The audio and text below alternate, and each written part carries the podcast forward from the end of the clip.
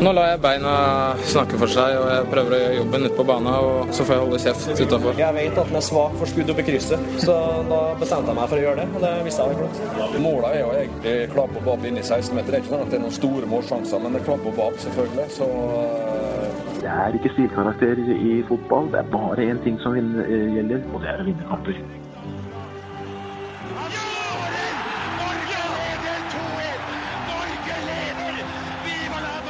Og der er uh, toppfotball uh, tilbake. Uh, mine herrer, velkommen i studio. Lasse Wangstein, Håvard Lilleheie. Takk for det. Takk, takk. Selv heter jeg Martin Sjøblom Roppestad. Det kan vi telle på én hånd de gangene jeg har sagt det i dette programmet. Det er ikke sikkert alle vet at jeg er med, faktisk. At du er med? Ja. jeg tror de vet at jeg er med, men, at er med. og at du heter Martin. Ja. Men Sjøblom Roppestad, det sier du ikke ofte. Ja, Roppis har vi sagt noen ganger. Da har vi sagt det. Til ære for min mor og min far. Hyggelig. Uh, I dag uh, så har vi litt av hvert på programmet, karer. Uh, vi, vi, har en, vi, har en, gjest som vi skal vie ganske mye oppmerksomhet til. I Pulsen skal vi snakke om Vålerenga og Deila, blant annet. ja, vi må vel det. Og litt om Rosenborg. Mm. og litt om Ranheim og Obos-ligaen. Og så skal vi se fram mot neste eliteserierunde. La dere merke til at jeg har gjort om på hvordan vi leder dette programmet. Jeg har begynt å ta opp Hæ? agendaen i starten. Ja, hører det. Ah, du skal sette det, liksom sette hele sendinga? Ja. ja. Kommer du til å dele sendinga i kapitler etterpå også? Sånn at uh, folk kan liksom gå forbi det som er kjedelig, og så gå rett til det de har lyst til å høre om? Ja, kanskje vi kan gjøre det. Stykke det opp, så man kan spole. Ja. Nok uh, pissepreik. Uh, vi må ta imot uh, dagens gjest, ja, eller? det må vi jo. For en gjest, altså. det er norsk, norsk fotballegende. Altså, han er vel du er jo en, Han er en av de mestvinnende. Ja, det må vi Det må vi vel anta. Klart hadde noen år borte fra Trondheim der, der det vel også ble noen titler. Men likevel en mann som virkelig har, uh, har gått på vannet. Ja. I uh, både To sluttspill. To sluttspill for Norge også. To sluttspill for Norge. Champions League og seriegull på seriegull. 1, 2, 3, 4, 5, 6, 7 seriegull. Og fire cupgull. Og fire cupgull. Det er fantastisk. Jan Ivar Mini Jacobsen, velkommen. Ja, takk for det. Jeg bruker egentlig å si um, For jeg har åtte og en halv sesong i Tippeligaen. Uh, mm. Og har vært med på åtte seriegull og én sølv. Ja. Uh, av at jeg mangla Det her var i 1994, da jeg kom tilbake fra den fantastiske perioden jeg hadde i utlandet og dominerte europeisk fotball. Ja, Duisburg og Lier spesielt. Men det var ålreit stats i Young Boys. Ja, Young Boys uh, gikk det, ja, det ok. Ja, det ok. Det er litt tyngre etterpå, greit, ja, men likevel. Vi må ta det som er bra òg. Bra Young Boys. Og så hadde jeg 53 minutter i Duisburg, og så var jeg litt lenger i Lierse, da. Ja. Men uh, men uh, jeg hadde vel uh, ni kamper, tror jeg, i 94. For jeg, eneste skaden jeg har hatt Jeg fikk en strekkskade når jeg faktisk gjorde et løp hjemover i uh, semifinalen mot Molde hjemme, der vi tapte. Det var den tida det var to semifinaler. Mm. Og vi hadde vel tapt Tapte vi 1-2 på første kampen, tror jeg, i Molde. Var det den berømte møkkafotballkampen? Møkkafotball, og jeg uh, kalte vel Kjetil Rekdal for et uh, kveithaug og uh, litt sånn. ja. uh, Kjetil Rekdal sa vel sånn I ettertid syns jeg det er kult. han sa da, når vi så at For da ble jeg bytta inn, for jeg var liksom kommet tilbake den sommeren. Ja. Når vi så at Mini ble bytta inn, da skjønte vi at vi hadde vunnet. men, var det, men var det fordi at du tok så få defensive løp at kroppen din rett og slett sa fra at dette er feil, Jan Ivar? Ja ikke løp hjem, og derfor så satt, satt strekken. Så, bare, så satt strekken. Da hadde jeg strekk. Jeg var ute i to måneder, og det har jeg aldri før uh, vært noen gang skada over så lang tid. Så uh, aldri springer hjemover. Uh, så det, det Er du topp tre, altså de tre fremste, skal du aldri jobbe bakover. Det er det du sier. Ja, Men det var det på den tida man måtte ha ti kamper for å få seriegull? Ja, ti eller elleve, tror jeg. Ja. Så mangler jeg to kamper. Og, og, nå holder du med tre. Og nå skal jeg gi deg en quiz, for det her er jo ikke, folk kan jo ikke ringe inn, så dere skal få quizen. Okay, okay, dere trenger ikke svare med en gang. Nei. Men det finnes en som har spilt En markant spiller i, i, i Rosenborgs historie. Um, ikke i historie, men har spilt to sesonger. Vi tok seriegull begge sesongene, men han er ikke seriemester. Oi. Mm, ta den. To, han, han, har vært, han, har vært, Og det er de to eneste sesongene han har vært i, i ja, Rosenborg. Han, han, har ikke titler i Rosenborg, i hvert fall ikke seriegull. Nei, han har cupgull. Han har cupgull, ja. ja. Vi... Markant. Ah, ja, altså her, her snakker vi eh, faktisk kanskje en av de beste spillerne. Rune Bratseth? Nei. Han ble seriemester i 1985. Ja. Peter Belsvik? Nei, han ble nok uh, seriemessig Han var jo der uh, over eh, Flere år? det? Nei, i hvert fall ett-to år. Stig Inge Men du tenker mer markant norsk spiller enn Petter Belsvik? Definitivt. Ja, ja, ja. Her, det- her, her, altså, vi, bare for å hjelpe dere å gjøre det her kort siden ikke er Eh, For det her tar, det her tar jo tid, ser jeg. Ja, det gjør det. Eh, det her er altså en av Norges beste spillere. John Carew. Helt riktig. Ah! Ja, ja. Stemmer. Seier. Ja, for kom seint og dro tidlig? Ja, han, Ja. han uh, har spilt 17 kamper for Rosenborg. Har skåra 18 mål. I, Og er eh, ikke seriemester. Og ikke seriemester. Han mangla én eller to kamper hvert år. Ja, for Han spilte høstsesong og vårsesong, og så gikk han, ja. Men har Jon Carew noen titler da i karrieren sin? Ja, han har cupgull. Ja, ja cupgull, Ja. ja. Tapt- Han tapte Champions League-finale. Ja, Ja, han tapte han har cupgull med satte Vålerenga. Men ikke noe med. Roma eller ja, to cupgull der òg, selvfølgelig. Mm. ja. Mm. Ikke noe med Roma eller noe sånt? Nei, jeg tror ikke. Nei, jeg tror ikke de vant. Herregud, hvem er Jon Carew? Ja, fyr. Herregud. Han har jo ikke noe sølvpuss hjemme, men det har for så vidt ikke jeg heller, for det er jo brukt opp. Du har brukt jo sølvpussen, ja. Har du brukt opp sølvpussen? For ja, fordi det er så mye Ikke så mye å pusse. Ja, ja. Ja, Så hvis noen har lyst til å sponse Mini med en ny sølvpuss, så er det bare å Ja, men jeg brukte å si det. Nå hadde, det her har jo skåret seg allerede fra første stund, siden. For nå tenkte jeg nå skal jeg være litt sånn ydmyk og rolig og ikke, og ikke ta helt av. For når folk bruker liksom, 'Hvem er du?' så bruker jeg å si Nei, jeg skal ikke så fortelle hvem jeg er for noe, men hvis du har litt sølvpuss, kan du være med hjem og få ta pokalene dine. Ja, det er herlig. Men uh, i 97 var du programleder for Minitimen og Minihalvtimen. Uh, blir du uh, Hva gjør du nå? Skal du plukke opp igjen det programmet? Uh, nei, akkurat nå er jeg jo her i Oslo og får lov mulighet til å besøke dere for at jeg er her og spiller inn et TV-program for TV2. Ja, få høre, hva er det? Eh, det heter Kjendisrestauranten. Det kommer på eh, TV til eh, høsten på TV2. Jeg er selvfølgelig usikker hvor mye jeg kan fortelle dere, men fortell dere det, så må jeg bare drepe dere etterpå. Det kommer på lufta uansett. Ja, Men, men det, det, og det er nydelig. Hvem, men hvem andre er som er med? Altså I programmet mitt, eller ikke mitt, men det jeg er med i, da, Ja. så er Jan Thomas er med. Vendela Kirsebom. Dette er store stjerner. Og Karoline Berg Eriksen. Eh, Fotballfrue. Ja, ja, blogger. ja. Å, ja, det er Ja, ja, så Lars Kristian var også på besøk i går. Han var barnepasser, for de har ei eh, datter på sju måneder. Ja, for han er på en eller annen måte kjerringa i det forholdet. Det er vel rimelig å si det? Eller Sa du det høyt? Sa du det høyt? er det feil å si? Nei, jeg vet ikke. Nei, han, han er Altså, han er Altså jeg, jeg, jeg skal ikke si noe gærent om han, for de er fine folk begge to. Men det er jo litt artig. Sånn, akkurat i går så er det han som kommer trillende med, med barnevogna, og hun går på jobb. Så eh, Du, likestilling, det Men- har kommet men for å bli, og jeg, jeg er all Ja. for Ja. For det var jo Hun startet jo bloggen sin Fotballfrue, men på slutten så var det vel ganske mange, inkludert meg selv, som kalte han for Fotballfruemannen. Fotballfruemannen, ja. Ja, ja, ja. Ja. Men det var jo det en artikkel eh, for noen dager siden hvor det sto at fotballfrues mann uh, har signert for sjettedivisjonsklubb. Ja. Og det er også, det er også litt sånn pussig. Da ser vi Ja. hvordan det har snudd. Og ja, for han har eh, Han har Han sats, lagt opp. satser i sjette Ja. divisjon, sto det. Han satser Jeg, jeg snakka med han i går. Han og Raymond Kvisvik er som styrer den eh, klubben der. Hvilken eh, klubb var det? Raymond tegne, tegne et eller annet sånt nede i det her i Er det Teie, det? Teie? Ja, ja. Ja, ja. Mm. Teie, Nei. Vestfold? Ja, ja Vestfold. Ja. Ja, eh, sjette divisjon som har som målsetning å skal rykke opp i fjerde i løpet av to sesonger. Det er, da, håper jeg, da håper jeg Kvisvik har fått gode sånn opprykksbonuser. Har de bygget hus til han der nede på deg? Det renner spillpenger inn på kontoen! Spille, spille, spille, Vi tror vi må videre der, Raymond, ja. Raymond spiller også, jeg spurte også det. Raymond er vel kanskje ikke den mest bevegelige. Uh, og nei, men han sto Han og de spilte 3-4-3 eller noe sånt. Så de to sto bak og fordelte pasninger og bare slo. Og, Nydelig. Ja. Men Kvisvik, for en uh, ja, Han er jo en spiller Hadde han hatt litt større fysisk kapasitet, så hadde han vært landslagsspiller. Han hadde jo, han hadde jo noe spesielt i norsk sammenheng. Altså han, eh, Fredrik Vinsnes, altså vi snakker om pasningsfot, Ja. den venstrefoten, det er blikket, det er den gode pasninga, definitivt. Ja. Så har du vunnet eh, Nixon Er det ikke Nixon, eller? Knixen? Si Knixen. Ja. Det, er ikke, det er ikke Richard Nixon-prisen. Knixen-prisen Det er den yngste i studio, jeg merker det nå. ja. Nixons uh, hederspris i år 2000. Ja, det var for at jeg la opp. ja, men likevel. Likevel, altså. Og så er det jo Har du en, en bakgrunn fra Er det fra 99 til 2016 som ekspertkommentator i TV 2? Uh, nei, det er feil, for at min siste kamp var 20. mars 2000. Eh, da, husk på, det her var jo på Det her er også jævlig artig å kan si.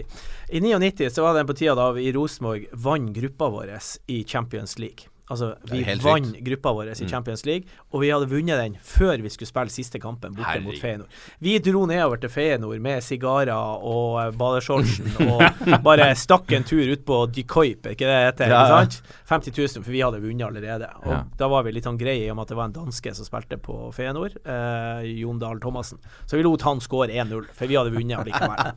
og da gikk vi videre. Det som er litt synd, at det ikke var kvartfinale med en gang, selv om vi har spilt det òg.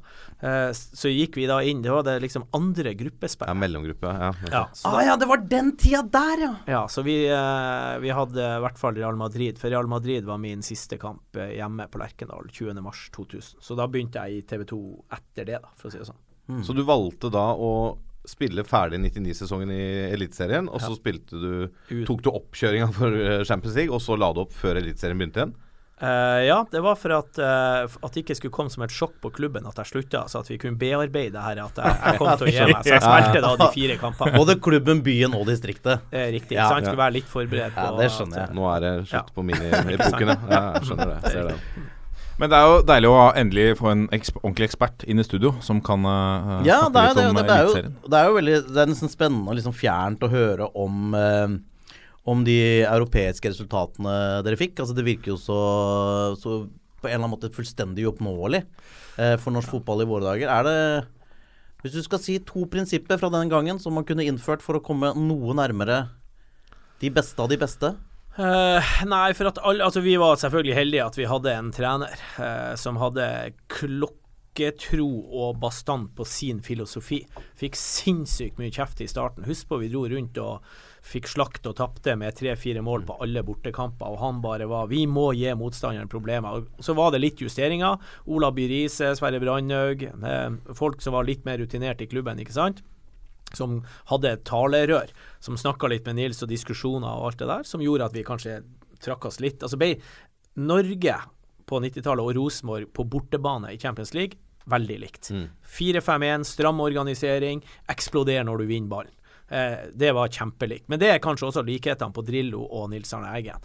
For eh, i eh, organisert, og når vi spilte mot lag som vi trodde vi kunne slå, så eh, vi i Rosenborg så fikk vi lov, skal vi si, lek med ballen, spille litt med risikopasninger. Hvis du ser den Dortmund-kampen der vi vant 3-0 borte mot Dortmund Altså, det er nesten så jeg blir litt sånn stolt. Se på André Bergdølmo, venstrebacken, hvor bare roer ned med ballen. Og Det er ikke snakk om noe klinking. Spille opp, spille tilbake, tar ned ballen. Altså, Borte mot det laget som vant Champions League året før, som leda Bundesliga, så står vi og triller ballen. Og det er, og det er litt spesielt. Så eh, jeg er jo ikke for at vi skal Barcelona-fotball, altså Barcelona elsker jeg, men at vi norske fotballag skal være det, holdt på med den med ball og alt det der, eh, definitivt. Jeg syns Rosenborg i dag spiller altfor lite gjennombruddspasninger. Jeg ble kjempeglad når jeg så Pål André Helland stakk igjennom, og Mike Jensen klarte å løfte blikket over 20 meter og se at det er noen som stakk i et bakrom. Men det er et todelt problem for Rosenborg, sånn som jeg ser det i dag, og så kan du si at det kan gjelde alle lag. men du må ha noen som starter, og du må ha noen som ser etter deg. Og klart, i vår tid så var det, altså det var jo aldri noe tvil om at når vi vant ballen, så var det minst to stykker på vei i et bakrom. Det er ikke bestandig du skal ha ballen, men forsvarsspilleren skal jo være usikker. Hva gjør han? Han må forholde seg til det. Ja. Ja. Hvis du hele tida vet at sånn som Bentner nå, f.eks. Jeg kan fortelle nøyaktig hva han gjør i alle kamper. Altså, han møter, og han legger igjen. Og han er god til det, for all del, men som midtstopper så er du jo aldri i tvil. Trenger jo aldri å være redd for et bakrom. Derfor er det viktig at de har kanter som begynner å sprenge litt eh, inn i bakrom. Og det har de hatt for lite av. Og så har de altså, eh, de tre på midtbanen som er fantastiske Det er litt av en eh, stall de har nå. Ja, for all del. Men de må lære seg å se pasninger over 20 meter. Definitivt. Mener jeg. Ja. Vi skal snakke mye mer om eh, Rosenborg eh, etterpå. Jeg Bare for å spørre kjapt. Ja. Er eh, din gode venn brutter'n enig i din vurdering? Ja, eller vi har, Til en viss grad så ser han også det. Men greia er jo også at de har vært så gode. Eh, så, så spiller du deg til, men sånn som i de siste kampene har de ikke vært så gode. Men av og til så luller du deg inn i noe som du tror er fasiten. Ikke sant? For de er vel vant med å spille mot lag der de har ballen 60% av tida, bare for å ikke ta i. Ja, for det er klart, per nå så er det jo Per nå så er det jo ganske stor kvalitetsforskjell på Rosenborg og det laget. Du ser til og med når Rosenborg eh, ikke er i draget, så har de liksom den kvaliteten. Eh, det er tre poeng. Ja, men det er jo derfor Rosenborg har vunnet serien de siste årene. Rosenborg har et bunnivå som er så jævla mye høyere enn de andre. Rosenborg taper ikke to kamper på rad. Det gjør de andre. Men toppnivået til Molde, Odd og Rosenborg, det er ikke så stor forskjell på. Men bunnivået til Rosenborg er høyt. Dette er toppfotball.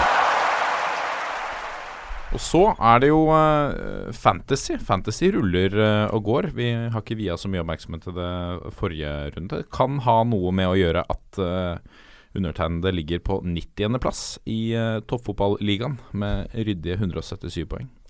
Håvard, du ligger rett over på 181. Uh, og Lasse, du ligger på delt 14.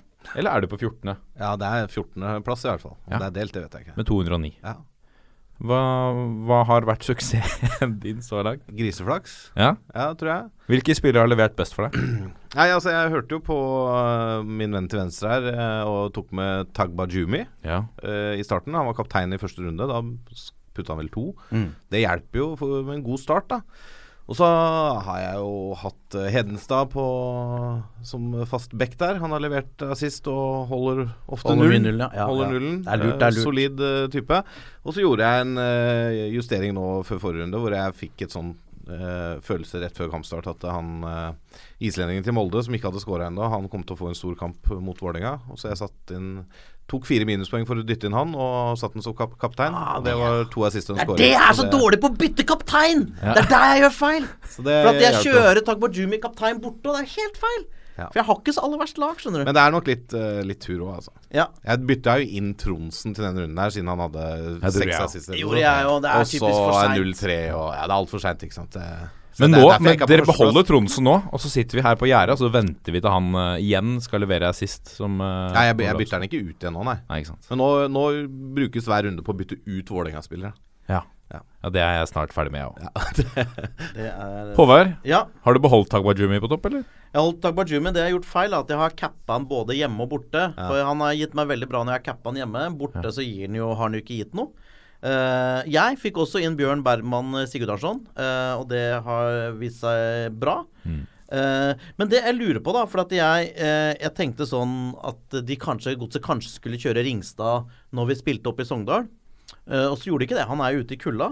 Og så trodde jeg da at når han ikke spiller, at du da får inn en fra benken. Ja, det trodde jeg også. For sånn er det ikke sånn med Fantasy Premier League. Jo, det er det. Hvis uh, Men du har jo tre benkeplasser, og de må du sette i stigende rekkefølge hvem du prioriterer først. Ja. Men, det, ja? men de òg må jo spille. Ja, Men har ikke Skogseid spilt, da? Ingen av de spiller. Skogseid spilte. Ja, ja, okay. da burde jo han kommet inn. Ja, det er jeg enig i. Det For først hadde jeg Stølås. Men hva, kom Ringstad inn som innbytter? Nei, spilte null minutter. Ja, nettopp. Ja. Nei, det vet jeg ikke. Det er noe feil. Det er noe feil. Jeg skal snakke med, jeg skal snakke med Martin Snakk med Martin. Snakk med de. Han Ja. løser det. Ta det opp. Eh, Men jeg kommer altså. Jeg kommer fryktelig. Og det jeg har Jeg har penger i banken. For jeg har liksom prøvd å få tak i de liksom litt sånn billig bra i starten. Ja. Så nå kommer jeg til å kjøre litt sånn dyrere spillere inn etter hvert for å få enda mer dybde og tyngde i troppen. Så dere bør frykte meg. Ja. Takk. Det, jeg, jeg frykter det. Spennende. Vi må ta eh, topp tre på toppfotballigaen. Der har vi uh, Fisnes FK med Henrik Traaseth, uh, leder. Uh, på andreplass uh, Tarm United med Emil Dalheim. Det er fin uh, humor på gutta. Vi, Tarm United Tarm United og Fisnes. Fisnes FK. Fint. Man tror de kjenner hverandre? Kanskje det er Ja, det føles sånn. Det er jo mye poeng snakker jeg. Begge har liksom det anale fokuset. Ja. Analt fokus. Ja. 243 på topp og 238 på andreplass. Og så er det Heia Ørn med Magnus uh, Sørby, uh, min gode venn fra Horten, på 236. Det var han som hadde en ganske solid ledelse etter første runde. Han leda som pokker. Spennende. Det er en eh, Skal vi allerede nå annonsere hvilken premie som venter den som vinner denne ligaen? Den som vinner, får en Toyota Yaris levert. Nei, nei, Håvard! Nei, øh, vi må jo gjøre dette fair, så vi må jo oppsummere da øh, poengene fra hver måned. Sånn at ikke det kommer inn en kødd på slutten og bare øh, leder alle ligaene. Så bare melder seg på på slutten. Så vi må jo ta total poengsummen for Vi tar en måned. skjermdump tenker jeg en eller annen, på et eller annet tidspunkt. Ja, og de som er med da, de er med til slutt. Ja. Vinneren, mine herrer, får en original uh, treningsjakke fra VM i Frankrike 1998. Oi. Ja, det er veldig bra. Det er fint, det. For en norsk, eller? Norsk, ja. Norge. Ja. Så Norge bakpå. Den som Drillo eller Sem kunne hatt på seg på benken. Kan hende det var Bjørn, Han Bjørn Hansen også, for så vidt, som satt på sida. Men. Bjørn Hansen er jo en viktig, viktig person i forhold til Absolutt. Rosenborgs framgang. Absolutt. Han var jo med på å sette det defensive fokuset der. Ja. Så det er ikke noe dårlig treningsoverall å ha på seg. Det er førstepremien. Det er kjempebra. Andrepremien er en toppfotballkopp. Ja, Men vinneren får en kopp, han òg, eller? Det får vi se på. Ja, ok. Få se, da. Få se hvor langt budsjettet holder. Ok. Dette er toppfotball. Og nå har du vært uh, uvant uh, stille og rolig, Mini. Nå skal du få slippe til litt uh, igjen, for du har ikke fantasy-lag. Nei, jeg har ikke det. Jeg er dårlig på de greiene der. Um, I TV 2 så var det alltid sånn når det her starta opp, så var det liksom at ekspertene måtte lage lag og der, og vi var på i, i starten og alt det der. Men så gikk det to-tre runder, og så glemte jeg å bytte, og så datt hun ned, og så bare tulla det bort. Så nå har ikke jeg gidda engang å prøve. Jeg har fått noe forespørsler fra forskjellige medier om liksom, kan du gjøre det og det. Jeg bare nei, sorry, det, det er ikke meg. Nei Men dere kjenner hverandre fra før, eh, Håvard. Altså, Ja, dere har ja, gjort ja. ting Vi- eh, dere er stolte av tidligere. Nei, vi har jo begge, begge vært i TV 2 på samme tid. Eh, og hatt fine opplevelser sammen. Uh, først så var det jo eh, i Først var i Manshow. Var i Manshow, ja. Ja. ja.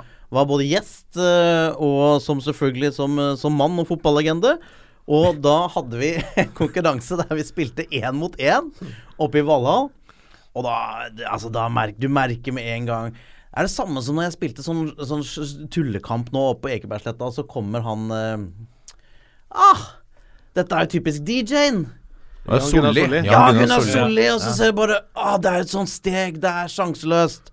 Uh, og det var litt samme følelsen. Mini hva hadde jo lagt opp. Uh, jeg tenkte Se litt feit ut! Men det var rundis, og han satte Satte de fra alle mulige vinkler, og det ble tap. Og straffen var at jeg måtte gå naken nedover eh, Aker Brygge med en meksikansk stråhatt på hodet. Og en sånn boomblaster som, sånn dunka rundt musikk.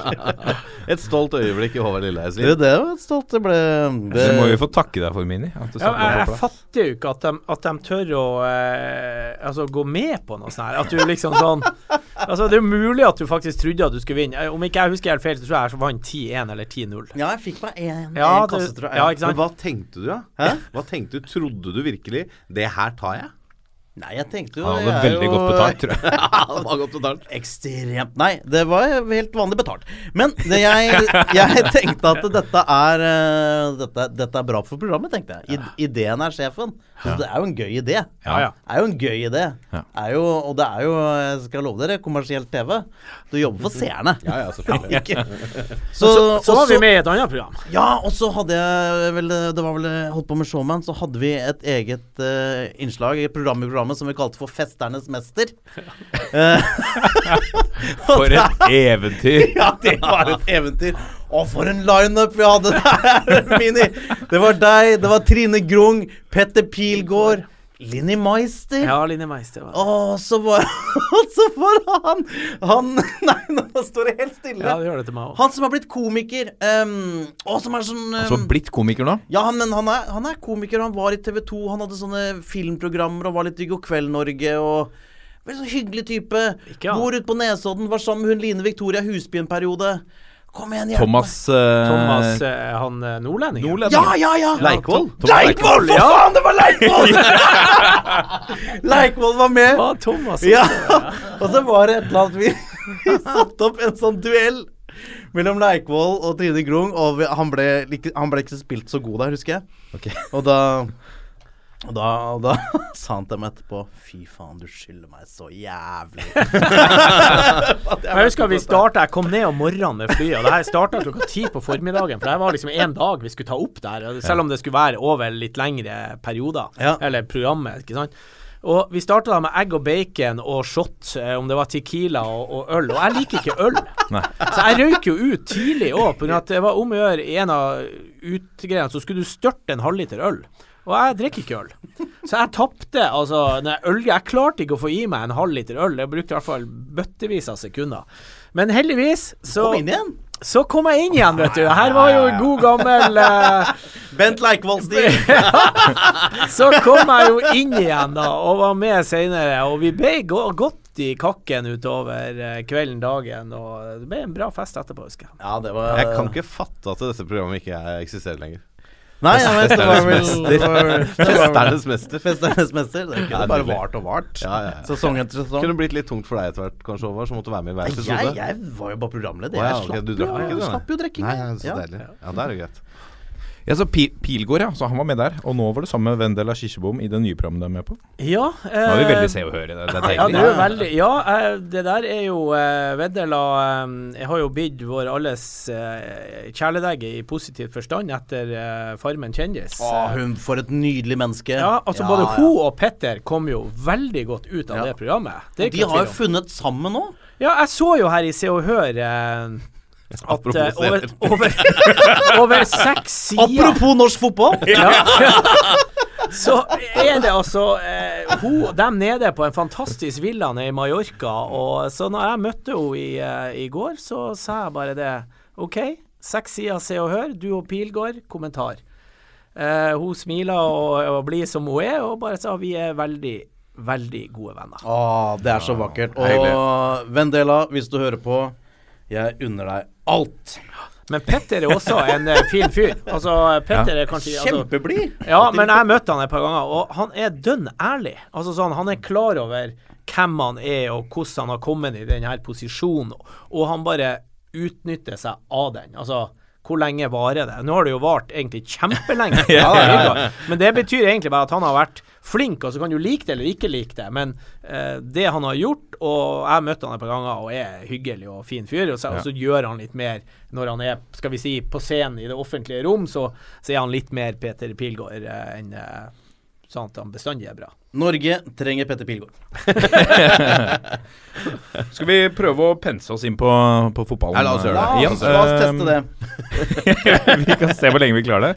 Uh, du har spilt i, i Du har bare spilt i Rosenborg i Norge. Har du noen gang vært aktiv Nei, Og Bodø-Glimt! Ah, unnskyld! ah, Oi, ah, oi, oi, oi. Den er tøff. Bodø-Glimt, er Tre år i Bodø-Glimt! Nei, nei, men nå tror jeg vi altså, nu, Ok, nå når du sier bare spilt, så er jo det riktig i forhold til Ja. seniorfotball, men Ja. jeg starta i IK Junkeren i Bodø. der jeg er vokst opp i Rønvika i Bodø, IK Junkeren. Ja. Og så gikk jeg til Grand Bodø. Spilte der i to år, for det var noen kompiser som var der som var brukbare å spille, og så gikk jeg over dit. For jeg var ikke noe spesielt god når jeg var mindre. Eh, Jeg var jo ikke på skolelaget engang. Altså, eh, I niendeklassen så var jeg reserve på skolelaget. Fordi du var liten. Jeg var ikke noe god. Altså, de andre var bedre. Men de var jo selvfølgelig høyere og sterkere, Ja. men eh, det er de nå fortsatt. Sånn Men, sett, men var du rask når du var liten? da? Ja, det var jeg. Ja, ja, Var relativt rask. Eh, og så gikk jeg til Bodø-Glimt i 1980. Altså da var jeg 14 år og ble 15 år det året. Og Var det da jeg- du merka at du hadde noe Nei, egentlig ikke før. Du kan si eh, På den tida der så var det jo sånn at eh, fotballen var delt. Jeg er født i november, og da var det på tida der at du delte årsklassene i august. Altså eh, enten 1. august eller så var det faktisk 23. august av en eller annen grunn. Det var litt mer når skolen starta, tror jeg. Så var du født før så var du altså på årsklassen før. Og i og med at jeg var sent på året, så fikk jeg alltid ett år der jeg var minst. Og når jeg da i tillegg var minst, så ble jeg minst minst. Og det minus pluss minus gikk bestandig pluss. Eh, så da var jeg nesten på benken ett år, og så spilte jeg det ene året jeg var eldst. For da var det sånn toårsklasser, ikke sant. Det var ikke gutter 14, 15, 16, det var gutter 14, gutter 16, gutter 18, skulle jeg til å si. Ja, det var sånn Lilleputte, smågutte, smågutt, gutt, gutt, ja, ja. Og det var toårsklasser. Men når jeg da kom inn i, på guttelaget, så begynte det å skje noe. Og på juniorlaget spilte jeg bare et halvt år før jeg ble tatt opp på A-laget. Så det skjedde egentlig ikke før jeg var 16-17 at jeg plutselig ble eh, relativt OK fotballspiller. Men hvorfor kallenavnet Mini? Altså, Er det Ja. noe annet enn enn høyden, eller? Nei, kona sier at ikke. Nei.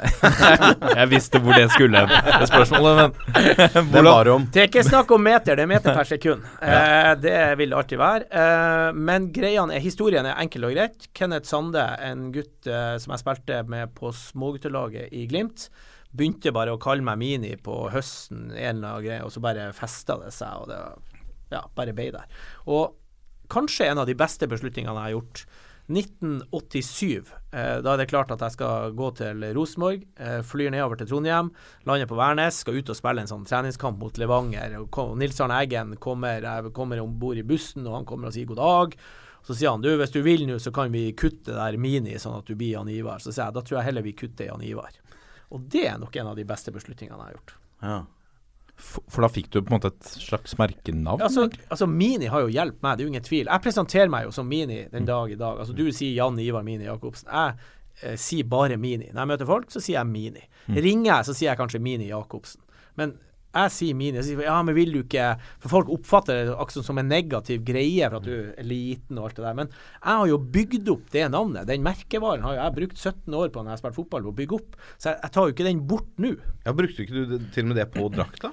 VM i 94. Artig når du sier den Kom på det når du sier det nå. Eh, da eh, vil jo jeg ha Mini på drakten på ryggen. Men, eh, og da var det sånn at eh, da gikk faktisk eh, la oss si, arrangøren i VM i USA Da måtte du ha passet. Du måtte sitte attmed drakten din, og så måtte du ha passet for å vise at navnet var riktig i forhold til passet. Så jeg, På den tida der så var jo passene ikke sånn som nå, eh, laminert og alt det der, så jeg skrev inn Mini i passet. For at, at jeg ikke skulle få liksom sånn kutta ut At jeg ikke skulle få lov til å ha Mini på ryggen. Det var før IS, det der. Så jeg, så jeg ja, faktisk Ja. Jeg har dokumentforfalskning. I USA. I 94. Ja. Dæsken. Oh, oh, oh, au. En annen tid. Ja, det var det. Men du fikk mini på drakta. Det var det viktigste. Jeg hadde. Mini på drakt. Det var riktig. Ja, nydelig. Men oppi dem der, har det noen gang når du skulle tilbake f.eks. etter utenlandsoppholdet, var du, har du noen gang vært aktuell for en annen klubb på A-lagsnivå? Jeg var fryktelig nære ser jeg over Jeg var fryktelig nære å gå til uh, Vålerenga i uh, sommeren 94, når jeg kom hjem fra, uh, fra Sveits. Eller fra Belgia kom jeg vel hjem fra. Hvem var det som var trener i Vålerenga da? Var det Vidar, Vidar Davidsen? Ja. Jeg lurer på det. Eh, var relativt klart. Husk på den tida der så var det også Det var ikke bare fotballspiller. Det var, du, du skulle nesten ha en jobb i tillegg. Så de, eh, da var det her eh, kraftselskapet som var da Hafslund? Ja, Hafslund, tror jeg. Mhm. Ja, Viken, Viken Nei, ikke, var ikke Viken, Jeg mener det var Hafslund. Ja, okay, ja. Ja, men uansett, som Forløperne. var liksom klar for å eventuelt skulle ta meg inn og sånn jobbmessig, for at da var jeg jo 29 år, ikke sant? Eller jeg var 28, jeg ble 29. Så var det liksom sånn begynte å se litt fremtid, og hva gjør du? Og, og i tillegg var jeg oppe i Bodø. Eh, og diskuterte der, og de, der skulle jeg faktisk var, sto en butikk klar som jeg skulle bli daglig leder for, en sånn datagreier på SAS-hotellet i Bodø. Det er så, så fin tid, det der! Ja. altså. Du skulle liksom ha litt av stjerneglansen inn i det vanlige arbeidslivet. Og så, gikk jeg, så var jeg i møte med Rosenborg, og de ville også ha meg tilbake. Alle jeg lå på sånn 700 000 i lønn til alle sammen, så det var liksom ikke sånn. Men så er kona fra Trondheim. Eh, da hadde vi vel fått uh, ene barnet vårt, Solena. uh, og det var liksom sånn ah, Og så visste vi hva Rosenborg var på den tida der òg, hadde jo fortsatt vunnet serien og alt det greiene der. Så ble vi bare sånn OK, vi, eh, vi, vi blir her, rett og slett. Og det var kanskje ikke så dumt. Nei, det må vi, må vi kunne si. Må, såpass ærlig må vi være. For, de, for din egen karrieres del så var nok det et uh, fornuftig valg, kan vi vel si. Ja. Hvem er det beste du har spilt med og mot? Det er alltid gøy å høre. Ja, med, det, for det er så vanskelig. Eh, på ei tid så brukte jeg å si, eh, eller jeg spilte mot, det var Amarås. Eh, altså det her blir jo langt tilbake. Fransk eh, landslagsback. Eh, vi spilte på landslaget mot Frankrike nede på Parc de Pras med Stadheim som trener. Ja, ja, Eh, og da bestemte vi oss for For eh, Amoros eh, var jævla offensiv. Altså Han var forut sin tid i Frankrike. Han var en sånn her som alle høyrebacker skal i dag, og venstrebacker. Eh, men vi sørga for at jeg gikk på den sida der han var, og jeg fikk beskjed om å ikke følge han. Så det var som å være i Rosenborg. Jeg kunne bare stå igjen på midtstreken. Og når han begynte å gå, og gå 10-15 meter, og så så han at jeg sto igjen, så torde ikke han å gå. Så da kom han tilbake igjen. Og så bytta de, og da fulgte jeg etter. Og gikk over på den sida han var. Så i den kampen der, Jeg tror vi tapte 1-0 uansett, men det var jo nesten bra for oss på den tida der. Så han var en, en back og Jean-Marie Papin, eh, altså på Frankrike. Altså vi, vi snakker de store navnene. Vi har jo spilt mot Gullit og van Basten og alle de største. Men eh, jeg bruker å si det den verste jeg har spilt mot, det er Bjørn Tore Kvarme på trening. eh, fantastisk eh, spiller. Har fått masse ut av karrieren sin. En herlig fyr. Spill mot han på trening. Kom nesten aldri forbi han på trening. Det var helt uh, håpløst, altså, rett og slett. Så det var, det var tungt å spille med han. Men uh, hvem jeg har spilt Altså, beste jeg har spilt med, det er liksom eh, Altså Hvis jeg begynner å nevne ikke sant? Så Du har eh, Rune Bratseth eh, på landslaget. Ikke sant? Du har eh, Anders Giske. Du har eh, Myggen. Du har eh, ja, ikke sant? Ørjan Berg og Ben Skammelsrud og Jon Carew. Alle de som har vært innom Rosenborg ikke sant? og Rush. Og, så det Jeg tror det er nesten umulig å si at han var bare så mye bedre enn de andre. Altså Jon Carew var jo eh, en klassespiller. Altså gjorde jo masse for oss, men han var så kort tid i lag med oss der. Og jeg er jo fryktelig opptatt av denne lagtypen. Jeg satt og så på eh, Real Madrid i går. Helvetes Ronaldo. Altså To ganger Benzema er med han inn. Det er bare å løfte blikket. De ser jo faen ikke etter dem. Beklager banninga, men jeg, jeg er nordlending, jeg har lov til det. Det er lov. Ja, og jeg blir så irritert på folk som ikke sentrer, som ikke ser etter lagspillere. Ja, Det Cristiano er- Ronaldo? Ja, Ja, men han er jo Han er jo Cristiano Ronaldo. Jo, ja, altså, og klart så skåra han tre mål i, går òg. Ja, ja. men, men det er litt sånn her der at Jon Carew fikk kjeft for at han skåra mål eh, nesten på feil plass, for sånn spiller vi ikke i Rosenborg. Ja, Du beveger deg Dundra feil. i krysset eller noe, som var Jo, men jo, det var liksom sånn her Altså sånn Ja, altså sånn scorer ikke vi her i Rosenborg. men, men greia er, og som jeg sier, hvis du kommer to stykker alene med keeper Nå fikk jo Ronaldo pasning i går. Fra Marcello, ja. Ja, ikke sant? Ja. Uh, nå var han jo offside, men, men, det, det, det, men greia er at sånn skal det gjøres. Men om Ronaldo har sentra Usikker. Nei, han men sentrer du, så skårer du ti av ti ganger. Ja. Skyter du sjøl, så skårer du kanskje sju av ti. Kan jeg, kan jeg få en personlig favorittspiller av de du har spilt mye med, Ja. Må jeg si Ørjan Berg. Ja. Som jeg syns var Det som var med Det som jeg synes var Og Rosenborg var jo liksom veldig gode i Champions League. Uh, og det var jo ikke så mye fotball på TV den gangen, så man, så man så jo Rosenborg kanskje i noen tippeligakamper og høydepunkt, men man så jo Champions League-matchene. Men hvordan han tok Champions League, syns jeg alltid var liksom helt enormt. Både den driven og den viljen og u... Altså, han, han, han var komplett. Hadde alltid et ekstra nivå, virker det som. Ja, og- Uansett hvem man møtte, så var han uh... Ja, altså det er noen spillere som har det der som bare vrir det litt og litt høyere. Og det syns jeg han hadde i, i voldsom grad. Litt sånn unsung hero i norsk fotball fordi han fikk så lite landskamper. Fordi det var jo en, en, også en veldig suksessrik tid for landslaget. Ja, ja. Men fantastisk i Rosenborg. Men, han var, vel- men vi, da Rosenborg herja som verst i Europa, han var jo god nok for landslaget da? Ja, nå husker jeg, ikke sant. Det var vel Ståle Solbakken, Myggen, Leo, Lars Bohinen eh, som, var, som alle spilte i utlandet. Kjetil Rekdal, ikke sant. Eh, og litt spilletypen. Altså Ørjan var jo ikke den kjappe spilleren. Han var jo den gode Altså, han er kjapp teknisk, kjapp med ball, men ikke sånn løpsmessig. Var jo ikke den som passerte nå veldig mange. Nei, men han har bra sånn frekvens at han dekker meter relativt Jo, altså, ja. jo, men det blir liksom i det defensive, Ja, ikke ja. sant. Eh, Men akkurat den her å passere forbi folk og alt det der, så eh, Om det er ufortjent, vet jeg. Jeg er helt enig med men husk på, en av grunnene nå, tror jeg, er at Ørjan Berg er en fantastisk likende fyr. Mm. Altså du klarer ikke å finne noe negativt om han. Han er jo bare blid og hyggelig, og, og var ikke noe kødd på banen eller noe sånt. Han klager ikke. Du ser ikke alle de faktene på folk ikke sant? som begynner å skal gi gult kort med en gang han ligger på bakken. Mike Jensen mot Viking nå sist òg, som er en fantastisk fotballspiller. Men det blir så jævla mye fakta! Ørjan Berg er jo ikke der. Ikke sant? Roar Strand. Altså, Nei, det var ingen faktor. Det var bare ja, levere, levere. Altså, ikke sant? Og du klager aldri om du blir peisa ned og tråkka på. Reagerer ikke. men Så jeg tror at det påvirker oss i forhold til hvilke spillere vi liker. mm. Men tror du Du nevner Mike Jensen og den vikingkampen hvor han slår Danielsen på leggen der fordi Danielsen kommer og prøver å si Ja. unnskyld for en takling og litt sånn. Eh, syns du fotballen trenger sånne typer som oppfører seg på den måten på banen, eller syns du det blir litt for mye av den der sutringa? Eh, jeg syns ikke det var vel en eller annen plass som sto det så at vi trenger Det var en som hadde sagt det, jeg så bare i overskrift. Eh, men akkurat i den situasjonen der så er jeg litt usikker. Nå gikk TV-kameraet bort. Jeg har lagt merke til jeg La oss si da at André Danielsen Jeg er litt usikker på om han gjør det her, men går bort. Og så sitter han på knær, Mark Jensen, og så går du bort, som du sier, skal be om unnskyldning, og så tar du den og kakker han litt i, i hodet, Ja, røsker han litt i håret. Ja. Det gjør du egentlig bare for å irritere enda mer. Og jeg oppfatter det som at Mark Jensen oppfatter det på den måten. Mm. For jeg tror ikke han slår han for taklinga. Det er mer sånn at han kom liksom sånn her eh, Kom igjen, da. Ikke sant? Ja, det var litt der, så fikk du mer den der eh, faen heller og sånn. Men Mike Jensen òg, du ser jo han Han er lett å stopper opp. opp. Ja, han er jo det, og han har jo en, en, en voldsom intensitet i spillet sitt. Men det er jo det som jeg syns er herlig. Eh, Torgeir Bjarmann er kanskje det beste eksempelet.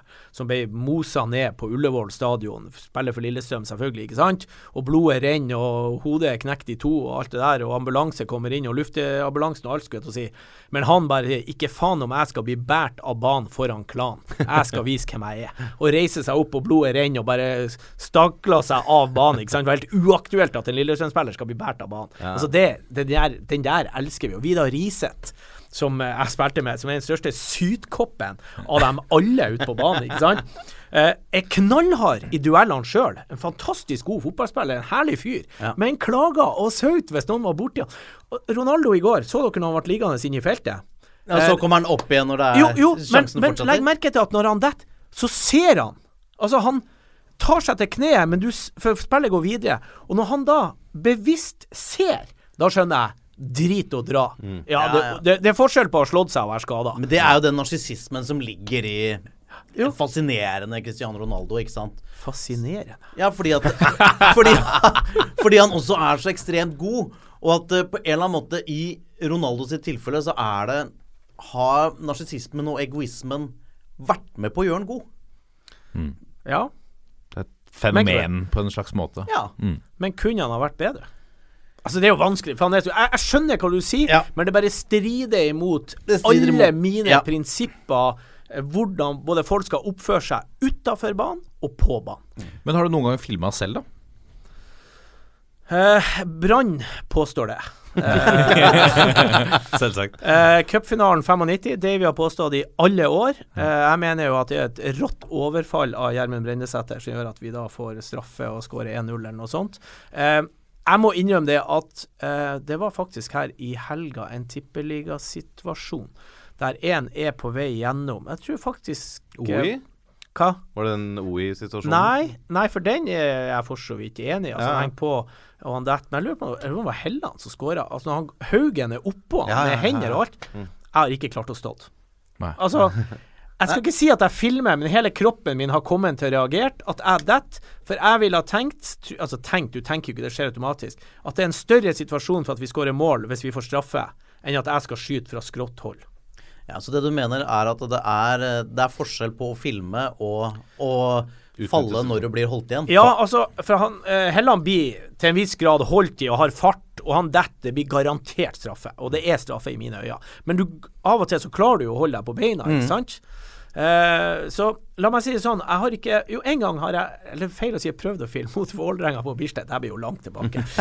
eh, eh, Kai eh, fra Mjøndalen. Eh, Kai Lagesen! Kai Lagesen. Legenden Kai Ja, Lagesen! høyreback. Nå er han også nevnt i toppfotball! Jeg kommer susende så på venstresida, inn i feltet, ser at han kommer i kjempefart mot meg, dytter ballen forbi og bare gjør meg klar til å bli tatt, og, og begynner å lette på beina. Han bråstopper. Ikke sant? Så, han kommer, så jeg er jo egentlig litt sånn i lufta. Så jeg lander på knærne Ja. og skjønner jo at han har jo ikke tatt meg, Nei. og bare prøver å komme meg opp Ja. mens jeg lander på knærne. Men det var liksom ikke sånn spredt i, eh, i gressmatta på Bislett. da. Så det er vel kanskje, eh, hvis du kan si i filmer, selv om jeg prøvde ikke Jeg sto ikke og si 'hallo, det er straffe'. Nei, men du skjønte, du tenkte at han kommer til å ta meg, jeg skal ha det. Ja. ja. Så eh, svaret er nei. Svaret er definitivt nei. aldri filmet. Det er notert. Jeg tok en telefon til uh, din gamle kollega Ivar Hoff før du skulle komme hit da, for å spørre om han hadde noen gamle stories. Uh, og Han begynte på en lang tirade med ros, uh, og han hadde kost seg så mye fra tida deres i TV 2. Men han nevnte spesielt en episode som han husker, som jeg husker også. Fra da han dekka Da tror jeg de spilte bort mot Porto, kan det stemme? Hvor uh, du blir uh, De river og sliter i Hjemme. trøya di. Hjemme. Hjemme, var det. Mm. Eh, hvor du responderer med å ta av deg drakta og tilby den til motspilleren. Eh, og så får du, får du ditt andre gule, eller får du ja, Andre. Du blir utvist. Ja. Hva? det er en, det er en, leg- fantastisk legendarisk situasjon. situasjon. Ja, det er Først bare ta om Ivar Hoff. Hva er den mest beste Eller han har jo mange, da, men som jeg syns er best, da. Ivar Hoff har sagt altså en sånn statement, setning. Hva er det for noe? Veit ikke. Bedre, mm, bedre mottak enn skudd? Nei, hardere ja, mottak enn skudd. Han har jo, ikke sant, han har jo masse sånn, ikke sant? Ja. Og Spenst, eh, spenst som et strykejern og alt det der. Men det beste du kan gi til en venn, er en god passing. Ja. Mm. Det, det er i min uh, ånd igjen, da. Men uh, greia her er vi spiller mot uh, Porto hjemme. Uh, jeg er faktisk tar et litt defensivt løp. Høyrebekken er på vei oppover. eh, på vei forbi meg, men han river jo og sliter i drakten min noe jævelsk. Eh, og så hører jeg jo dommeren blåse, så jeg tenker OK, da får jeg frispark. Og uten å se på dommeren, så tar jo jeg liksom drakten av meg halvveis. Hvis du holder så jævla her, så kan du jo få han her.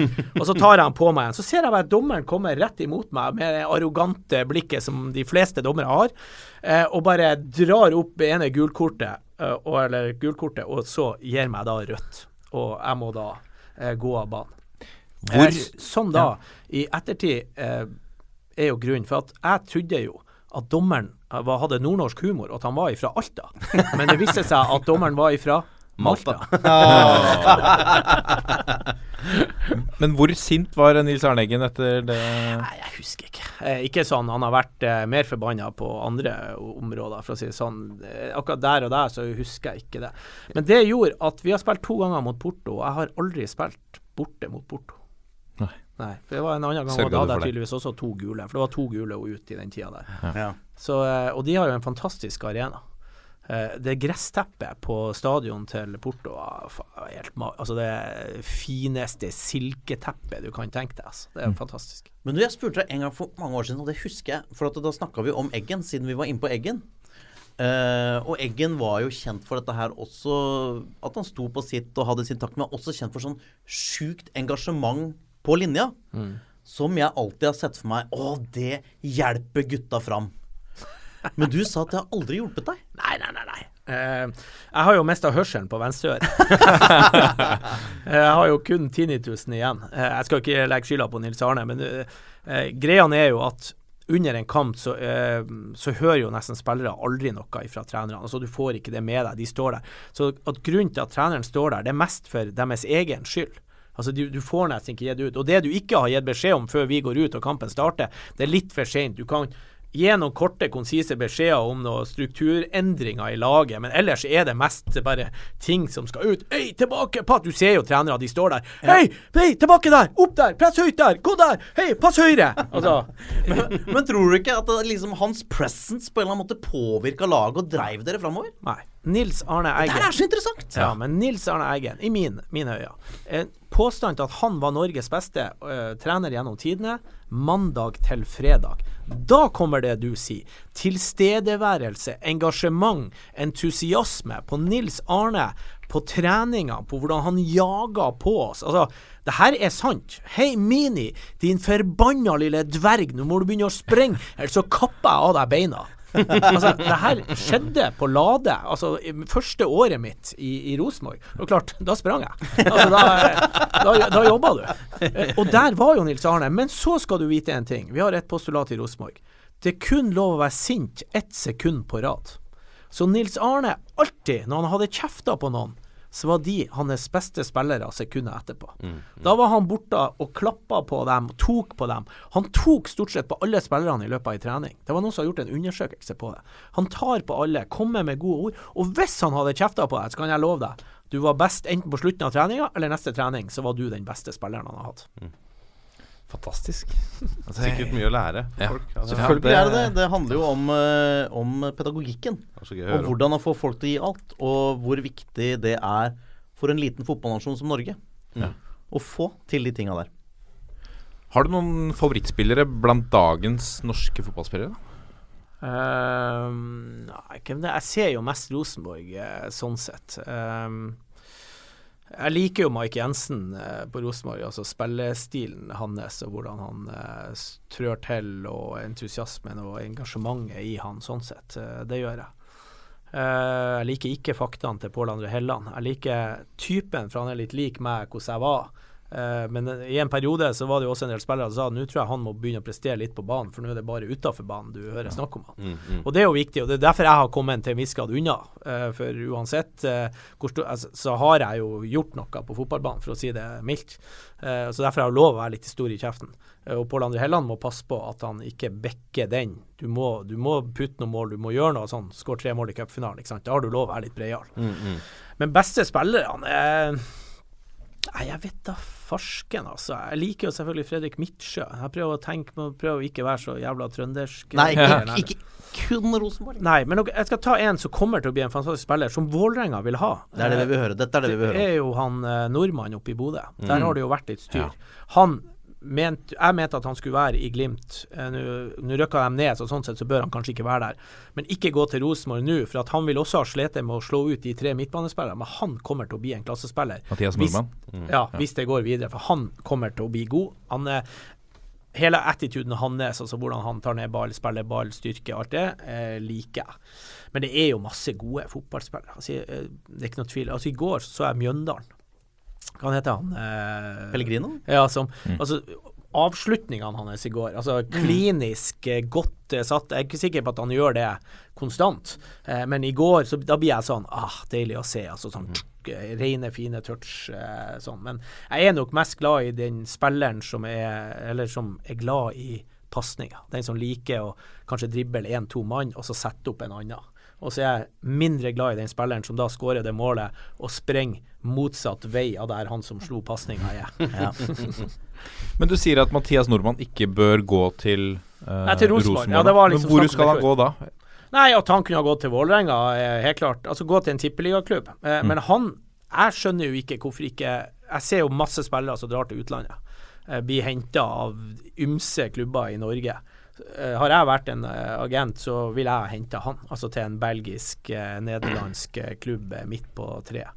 For han Altså, det handler jo om Jeg skulle ikke si at jeg har rett, men i mine øyne så tror jeg at han bare kommer til å bli enda bedre. Og nå er han god.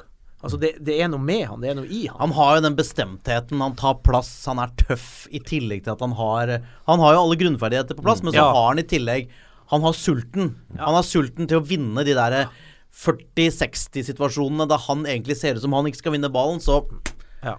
Han har den presensen, og den er ikke så mye av i norsk fotball. Nei, og han er bra med ball, og så, så jeg skjønner ikke hvorfor ikke han er henta av en eller annen klubb, sånn sett. Nei, spennende. Det er pris, det er Gøy pris. å følge med på han, altså. Bodø har overprisa han. Vi må ta uh, Vi må gå igjennom denne faste spalten som vi har. Fire norske fotballstjerners middag. Eh, Mini. Det er som følger at uh, du er jo kjent med konseptet. Du er jo med på et uh, nesten lignende et nå, hvis det er lov å si. Nei, det er ikke lov å si det. Eh, du skal invitere tre norske fotballprofiler hjem til deg. Eh, og du er den fjerde, selvfølgelig. Hvem ville du hatt, og hvorfor? Jeg prøvde jo å tenke at jeg ikke skulle bli sånn her trøndersk greie, men det er klart jeg er jo fryktelig påvirka. Hele min bakgrunn er jo selvfølgelig påvirka av det. Og de skulle ha. Men vi har snakka om han, og det vil være helt eh, feil å ikke ha en Nils Arne Eggen eh, på det bordet. For at han vil bidra så mye, både med fotball og alt. Husk på, jeg var en gang jeg hadde vært på to ukers reise med Davy i forbindelse med et EM-VM her i Norge vi var rundt, og så skulle vi ha eh, setting i Trondheim. Eh, og så kom Nils Arne var gjest, og så skulle jeg møte Anita på Solsidene. Jeg har vært borte i to uker, vi skulle på date, liksom, rett og slett. Kona di? Kona mi, Anita. ja. Ja. Mm. Uh, skal ikke si sånn som han på TV. Nei, jeg elsker inna. altså, det er kona mi. My wife and my girlfriend. Ja. Så, uh, så spør Nils Arne hva skal du? Nei, jeg skal møte Anita bort på Solsiden.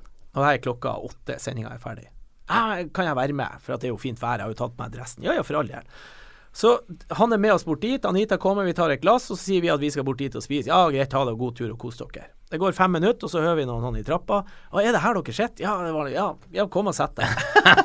så han sitter, og vi har en fantastisk kveld. Eh, for han, han kan så mye historie og historia. Så Anita syns òg kvelden var For det handla ikke om fotball. Nei. Altså, han kan så mye annet. Så derfor kommer Nils Arne å være eh, den ene gjesten der. Ja. Eh, så må jeg ha med brutter'n, og det er to eh, grunner til det. Kåre er den som har, er best på kommentarer i et lystig lag. Han er sinnssykt artig på forspill, har den her lune, gode kommentaren som gjør at du sitter og flirer hele tida. Og I tillegg så er jo han som har tatt opp arven til Nils Arne nå, ikke sant. Å få de to i forhold til fotball, er det ulikheter, er det likheter som de diskuterer og litt der.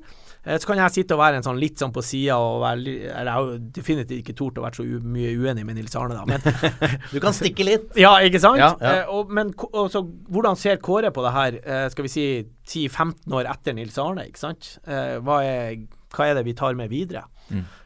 og den tredje kommer dere aldri til å gjette. Der har jeg gått ut ifra.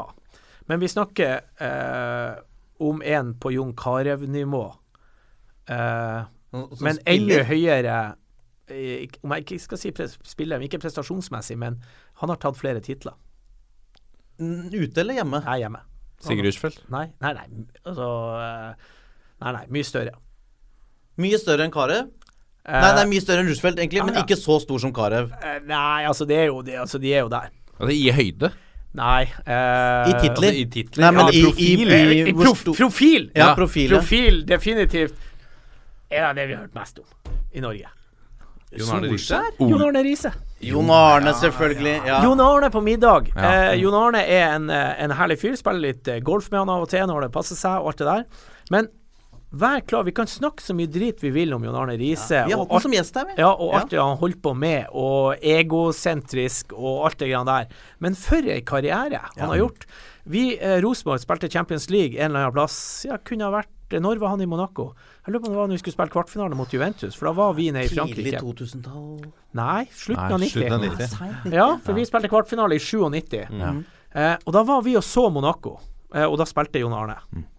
Eh, og, men han, altså med karrieren sin opp igjennom, eh, hvor alt det han har opplevd, og så eh, gjerne høre litt om eh, livet som forsvant, økonomi og alt, ikke sant, greiene der. Hva, hva skjedde? Eh, og diskusjoner opp mot Nils Arne og Kåre. For han, han har jo en ambisjon om å skal bli vår nye store trener, ikke sant? Jon Arne? Ja, Jon Arne Ja, har jo ja. den ambisjonen. Mm. Å få han inn i lag med den største treneren vi har, den som har mest suksess i dag, og Jon Arne. Og, så jeg tror det her har blitt en fantastisk sånn artig bord.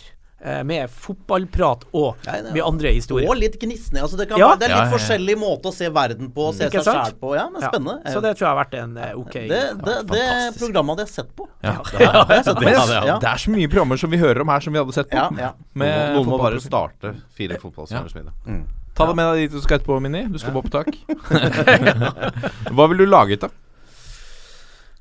Vi må jo ha fotballmat, og det skal jeg jo eh, lage på programmet i, eh, som jeg skal være med på nå, som dere skal se til høsten, da, Ja. som vi tar opp nå. Eh, det er Restauranten heter Minis Corner, for det, det er litt sånn fotballgreier. Jeg har med meg eh, landslagsdrakter og eh, fire kongepokaler og eh, gullskoen, toppskårer i Norge, femteplass i Europa var jeg faktisk på den tida der. Sånn, eh, så det skal liksom pyntes opp i restauranten og litt der. Og da er det fotballmat. Det er forrett er fløteboller med hvitsaus og litt reker på toppen med, i et sånn skjell. Eh, helstekt gammeldags. Ja. Helt, ja, ja. hel, entrecôte. Eh, med fløtegratinerte poteter med peppersaus, blomkål og gulrøtter. Ikke sant? Klassisk! Ja, da, for det er liksom maten du spiser på lørdag, dagen før kamp. Ja. Men så på kampdag så er det kylling. Så da er kylling med pasta er også alternativ hovedrett. Og dessert er selvfølgelig is. Eh, det var det som fikk meg tilbake på landslaget i 1991. Jeg hadde jo vært med lite grann, spilt noen kamper. Drillo har tatt over. Brutter'n er på landslaget. Drillo kommer nedover til Sveits, skal se på Lars Bohinen og meg i Young Boys. Kåre ringer meg. Mini, du må kjøpe han is, da er du inne. Drillo er Jeg tror det om det var før kampen eller etter, jeg litt. Jeg tror det var før. Vi møter han eh, på Møvenpick i eh, Bern. Jeg og Bohinen. Jeg har kjøpt en svær is til Drillo. Sett foran han når han kommer. Det er eplet til læreren, altså. Og, bare, Ja. ja, og gir Drillo da en svær is, og jeg var med i neste landskamp. Ja, det er nydelig. Altså, derfor han har en egen, egen is, Ja, han er glad i Ai, is. Ja, ja, ai. Han elsker isen. Men jeg har jo òg minis. Min is, Å, ja. ja. ja. Dette er toppfotball. Og Så annonserte jo vi at eh, du skulle komme hit i dag, eh, Mini. Så da har jo uh, våre følgere på Twitter hivd seg på. Uh, vi kan jo begynne med en sekvens som vi husker godt, som vi har prata om her før. Fra våre beste menn på Twitter, som spør hvor godt smakte jappen han spiste mot Sveits i 97 på Ullevål. Og Det er kanskje ikke det beste spørsmålet, men det er jo en veldig morsom situasjon. For vi har alltid lurt på hvordan i all verden fikk du til å spise en sjokolade på en landskamp? Eh, det her starta faktisk i cupfinalen 1990 mot eh, Fyllingen. Ja. Eh, den vant vi jo 5-1. Eh, jeg husker jeg ble intervjua rett etter kampen. Jeg hadde tippa at vi skulle vinne 5-0. Og da sa jeg etterpå ja, jeg sa jo vi skulle vinne 5-0. Jeg hadde ikke fått med meg at de hadde redusert til 1-5 på slutten. Men da var det en 3-0 eller noe sånt via corner. Altså så noen som kaster faktisk ut på en Kvikk Lunsj. Så jeg, jeg åpna den Kvikk Lunsjen og spiste ei, eh, en sånn bit av Kvikk Lunsjen. Og det finnes et bilde, tror jeg, der, og de påstår i hvert fall at den ene spilleren på fyllingen da var tannlege, eller tann, holdt på med utdanning på tannlege, som står liksom bak meg med store øyne og ser at jeg spiser Kvikk Lunsj. Eh, så det var første gang jeg spiste sjokolade på en bane. Og så var det da mot Sveits. Eh, comebacket mitt var vært borte et år, kom tilbake, møter Sveits siste kvalikkampen i Var det 93 du sa? Var det? Ja. 97? 97, 97, ja, før VM 98. Ja. Ja. Kom tilbake da og eh, skåra til 1-0 eh, mot Sveits. Altså, det var sånn skrevet i bøkene her. Og eh, tar da og spiller, så ligger det en japp. Og det her var i den tida Det var sånn her japp-reklame om han der eh, rastafyren som spiste japp og skjøv bil over kanten. gode og- gamle der, Ja, Ja, så var det Japp-tribunen på Ullevål. Det var det òg, ikke sant? Ja, ja. Altså, det var, så jeg tok da opp den der, og tok meg en bit av jappegreia. Jeg husker Stig Inge Bjørneby var over skuldrene på meg og bare tok på oss en bit, og så heiv vi den ifra oss. Ja, der fikk vi Mottok du noe penger fra Freia-konsernet? Nei, nei, det er definitivt ikke. Gjerrige folk, ass. Gjerrige folk. De burde vært seint. Jo, men Så så er fikk det så- ekstra jo. reklame her nå. Jo, men ser, jo, altså, jeg ser poenget ditt. akkurat, Du kan jo bruke ting på i reklame med og alt sånt, men av og til så, så skal du ikke tenke på at du skal alltid ha noe tilbake for å gjøre noe artig. Det er fint sagt. Det er Ja, det skal jeg ta med meg. Jeg er veldig kynisk på det. Det er derfor du sitter her. og lærer litt òg. Og så har vi fra, eh, fra Bekken, eh, med brukernavnet Bare Bekken. Eh, dersom Rosenborg kvalifiserer seg eh, til Champions League til høsten, er det noen spillertyper du mener laget trenger å få inn? Um, nei, men jeg ser at vi Altså, Bentner må bli bedre. Eh, definitivt. Eh, han har eh, levert eh, akkurat Altså, hvis du tar bort følelser og ser på hele fotballmessige, så har han levert under paret i mine øyne. Uh, Skåra målet i første kampen, ikke sant. Alt er jævla kult og har en assist som er fin, men eh, Og er selvfølgelig et bra oppspillspunkt, men eh, det holder ikke. Nei, for du føler I offentlighet nå så er det akkurat som Bentner-hypen har lagt seg. Allerede. Jo, men det, altså Jeg var overraska over at Rosenborg sjøl hypa det her så jævlig. Markedsavdelinga, eh, OK, kan jeg akseptere, men at Kåre og dem var liksom Oi, her skal bli så bra. Oi, altså ikke Så spurte jeg Kåre om det. Hvorfor gjør du det her? Er ikke det bedre å la han prestere og la alle bli fornøyd? Eh, si at han trenger tid og alt det der. Nei, han må jo tåle å få litt forventninger på seg. Og det er jo for så vidt greit tenkt, men jeg er jo uenig akkurat i det valget, da. Eh, for at jeg er usikker på hvor god er han. Altså det, det er jo en grunn til at ikke vi har hørt om han på fire år. Ja, han, altså, han, er jo, han er jo en fyr også, hvis vi snakker om høyt høyestnivå. Så er det klart at han har det inne i og med at han har blitt henta av sånne klubber som han har. Han har vært i Arsenal, Ja, men han har vært i Wolfsburg, men han har da slitt med å ta livet som toppspiller seriøst nok til å få ut uh, det som han har av potensial. Det er jo det det handler om. Er ikke det, Mini? Ja, altså, da blir jeg jo sånn ja, Hvis det er sånn at han da, eh, og det håper jeg virkelig at det ikke er, eh, jeg håper å si drikker og spise pizza Grandiosa og spille PlayStation til klokka tre om natta, som vi vet masse tippeligaspillere en gang i tida gjorde, eh, så er det jo vanskelig å få ut potensialet sitt. Men hvis han lever høvelig OK, så spør jeg meg hvorfor sprenger du ikke mer? Hvorfor Ja, plutselig så så jeg savner at han skal gjøre litt mer rette ting på banen. Og det er jo selvfølgelig litt av Kåre sin jobb også, å få han til å gjøre det. Så akkurat innenfor Bentner. Og så Hedenstad hadde jeg litt større forhåpninger til. Elsker spilleren, typen. Var sikker på han skulle ta Jonas Svensson-rollen med en gang. Han eh, ønsker jeg å se mer av. Så må de få på plass den venstrebacken sin. Uh, Gersbakk hadde jeg trua på, men det er jo Meling kanskje Ja, Meling er jo, jo Han var vel tilbake, tilbake i troppen. trening, er han ikke det? Jo, jo Ja. Så klart, kommer han på plass, så kan det være. Eh, men ellers så tror jeg det laget er Dølan Le har vært veldig fint å få tilbake på Mm. eh, Jeftovic har levert for så vidt, men Dølan Le var fantastisk når han ble skada. Ja, og Meling er jo, Meling er jo skyhøyt tippeliganivå. Ja, Ja, det er det virkelig. ja, han har mye kvalitet Ja. i seg. Så um, jeg klarer ikke å se at Rosenborg er i noen posisjon at du skal hente noen. Nei. Det er du ikke. Nei. Det er bare noen her som må bare take the game one step up. Ja. Det er noen som må være Bjørn Tore Kvarme på trening og bare gjøre det vanskelig for de andre. Ja, for det, Og gi det tror jeg det er mange lag som trenger. Mandag til fredag, mandag til fredag. Jeg elsker det. Ja. Siste spørsmål fra Snoskarp. Eh, det er et eh, dilemma. Eh, tre uker alene sammen med Jahn Teigen på landstedet hans i Sverige, eller tre uker på Gran Canaria med familien? Er det et, eh, et spørsmål? Ja, det er, ja, det er tydeligvis et spørsmål fra han. Det er, det er ikke et spørsmål fra oss. Nei, eh, det er det. det, Det er det, det kommer fra verden der ute. Seriøst. Tre uker med Jahn Teigen. Selvfølgelig. Hallo! Men er du en stor Jahn Teigen-fan? Du er en stor Jahn Teigen-fan? Ja, ja, altså Jeg vet ikke om jeg skal si at jeg er stor Jahn Teigen-fan, men jeg er døpt Jan uten H. Tok inn H i navnet pga. Jahn Teigen. Jeg har hull i venstreøret eh, pga. Jahn Teigen hadde en grønn øredobb i venstreøret. Jeg har fortsatt hull i øret der.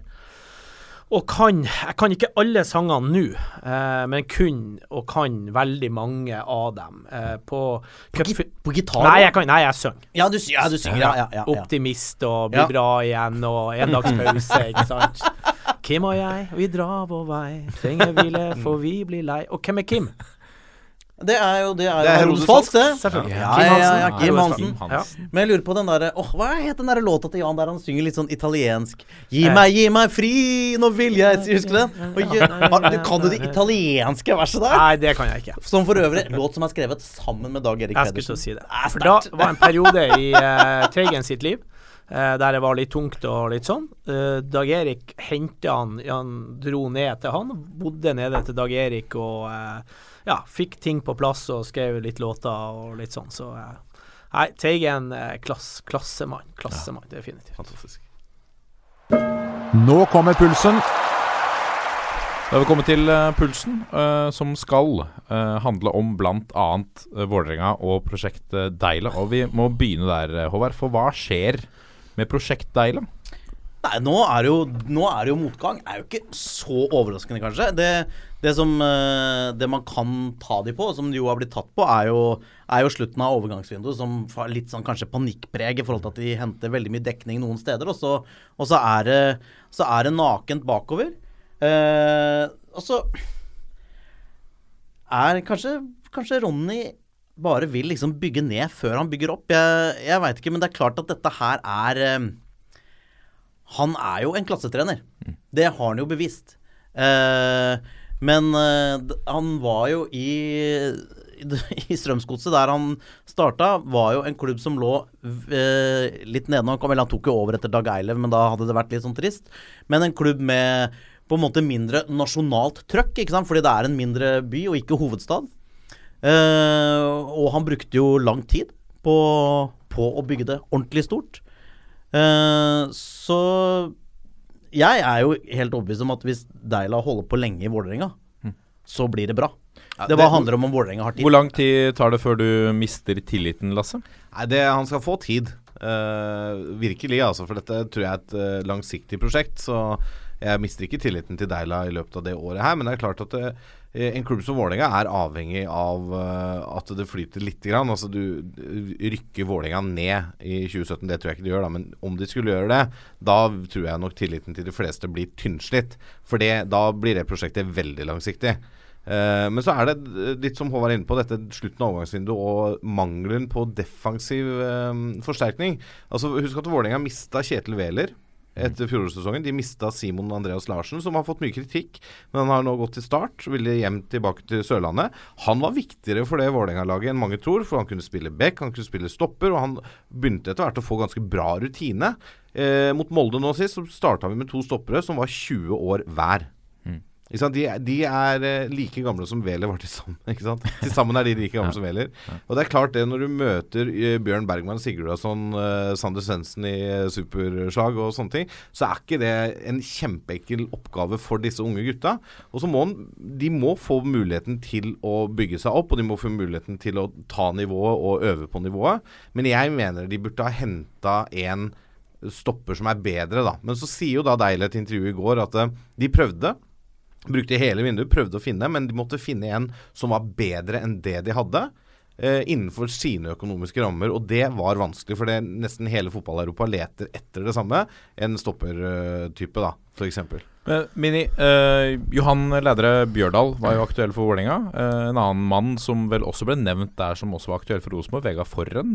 Hvor, hva skjedde med Bjørdal? Hvorfor ble ikke han eh, Vålerenga-spiller, tror du?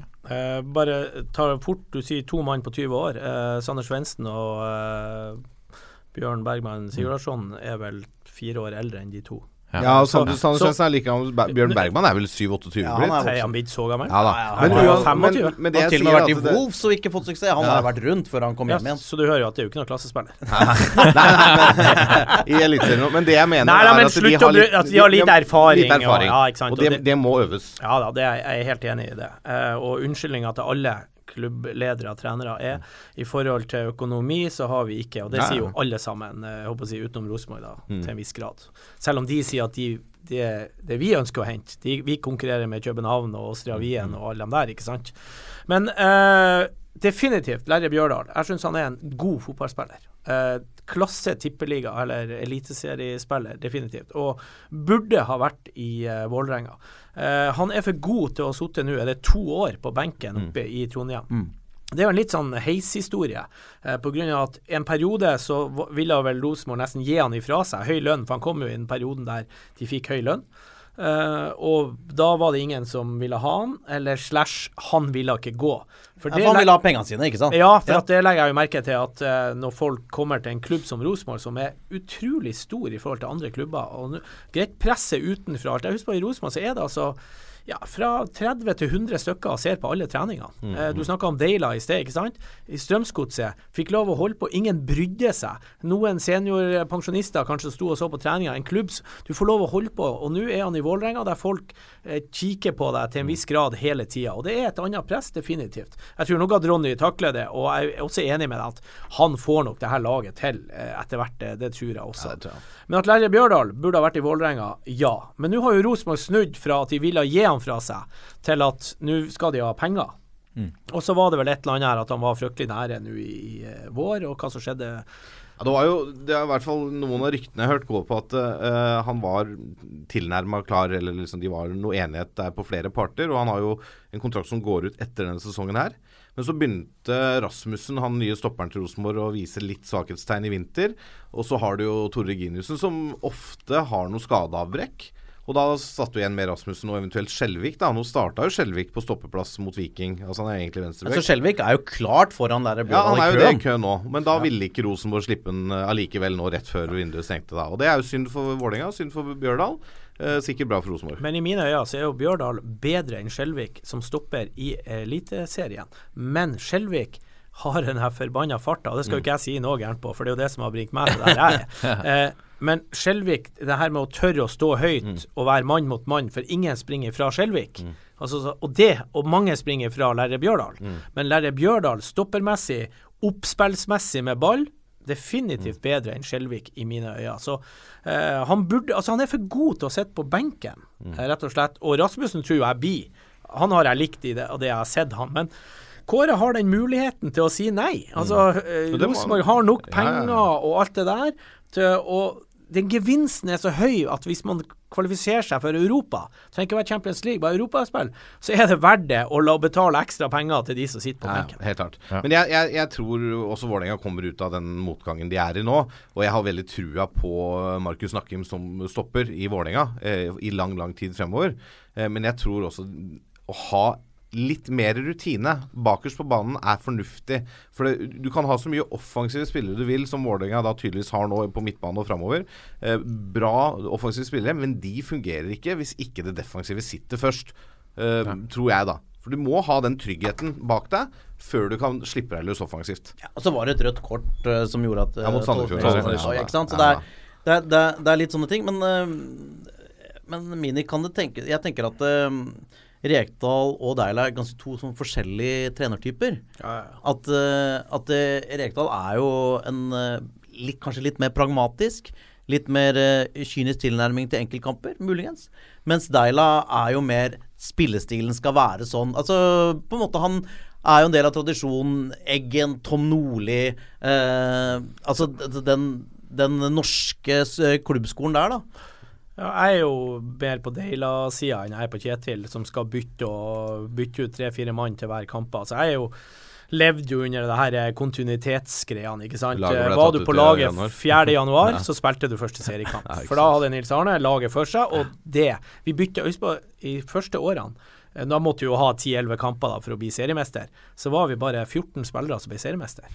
Ikke sant? For det var bare noen få som fikk komme innpå. Det var nesten de samme også hele tida. Hvorfor fikk dere ikke skader? Var det fordi det bare var bedre? Så dere bare slapp unna taklinger og Ja, eh, definitivt. Jeg husker folk brukte jo å si at vi har kjøpt dommerne og alt det greiene der, men eh, Det sier de. Rune Pedersen sa jo det. Ja, men herregud, jeg kan jo ikke blåse frispark eh, mot Rosenborg. Det er jo dem som har ballen. Ja, ikke sant? Ikke sant? Det er jo et jævlig godt poeng. Det blir spennende å følge med uansett med Vålerenga og Prosjekt Deila. Uh, vi må fortsatt, mens vi har deg her, Mini, vi må snakke litt mer om, om Rosenborg. Uh, vi har en litt morsom, uh, morsom sak. Jeg, jeg satte meg ned med, med laget som slo Dortmund 20.10.99. Og prøvde å sette opp mot laget som slo Viking 17.4.2017. Uh, når du ser på de to uh, troppene, uh, hva er dine umiddelbare tanker om hvilke plasser er de bedre eller dårligere på i dag? Hvordan står det laget nå mot det laget som slo Dortmund? Eh, jeg har bytta ut to spillere fra Dortmund-laget. Oh, ja. Ja. Så ni stykker i mine øyne er bedre enn de som starta mot Viking. Men nå må vi også huske på eh, selv at vi må, altså Kåre bruker å si at vi holder på å snakke om fortida. Jeg skjønner jo at han ikke vil at vi skal gjøre det. Eh, de er jo raskere og har flere sixpacker og muskler og alt det greiene der. Men allikevel så handler fotball om å prestere i lag sammen med andre og alt det greiene der. Og uh, uansett hvor sterk du er og hvor spreng, så handler det hva du gjør med ball. Uh, så jeg har kun bytta ut André Hansen med Jørn Jamfa. Ja, det skjønte jeg. Uh, for André Hansen er en kjempegod keeper. Veldig god. Ja, og Jørn var det òg, men André Hansen. Hedenstad, i mine øyne, ikke i nærheten av Roar Strand.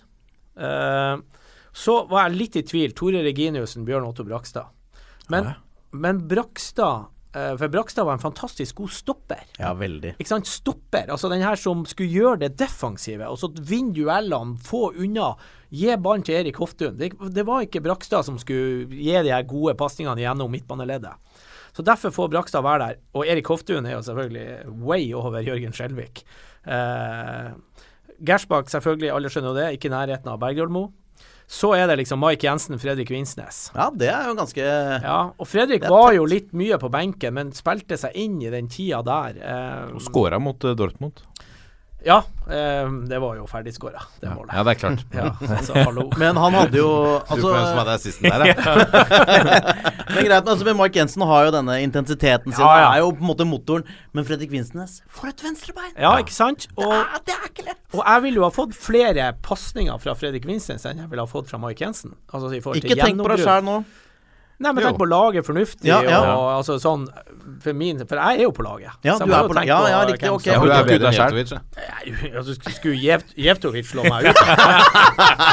og, ellers, og ellers går det bra. Jeg tror vi bare går videre på det. Jeg må si sånn, jeg må si sånn Nils Arne, og bilen går bra. eh, så Jensen kommer inn for Fredrik. Eh, Skammelsrud er bedre enn Konradsen. Ørjan Berg er bedre enn Fredrik Midtsjø. Like typer. Ikke rask, men allikevel ballpresser. Eh, Jan Derek er mye bedre enn Pål André Helland, selv om he, altså, Helland kan jo selvfølgelig i én kamp gjøre noe Jan Derek ikke klarer. Altså nivået, maksnivået til Helland med å kan drible to mann og smelle han i vinkelen. Det si, Selvfølgelig kan Jan Derek gjøre det, men Jan Derek vil eh, over tid være bedre. Karev definitivt bedre enn Bentner og Mini.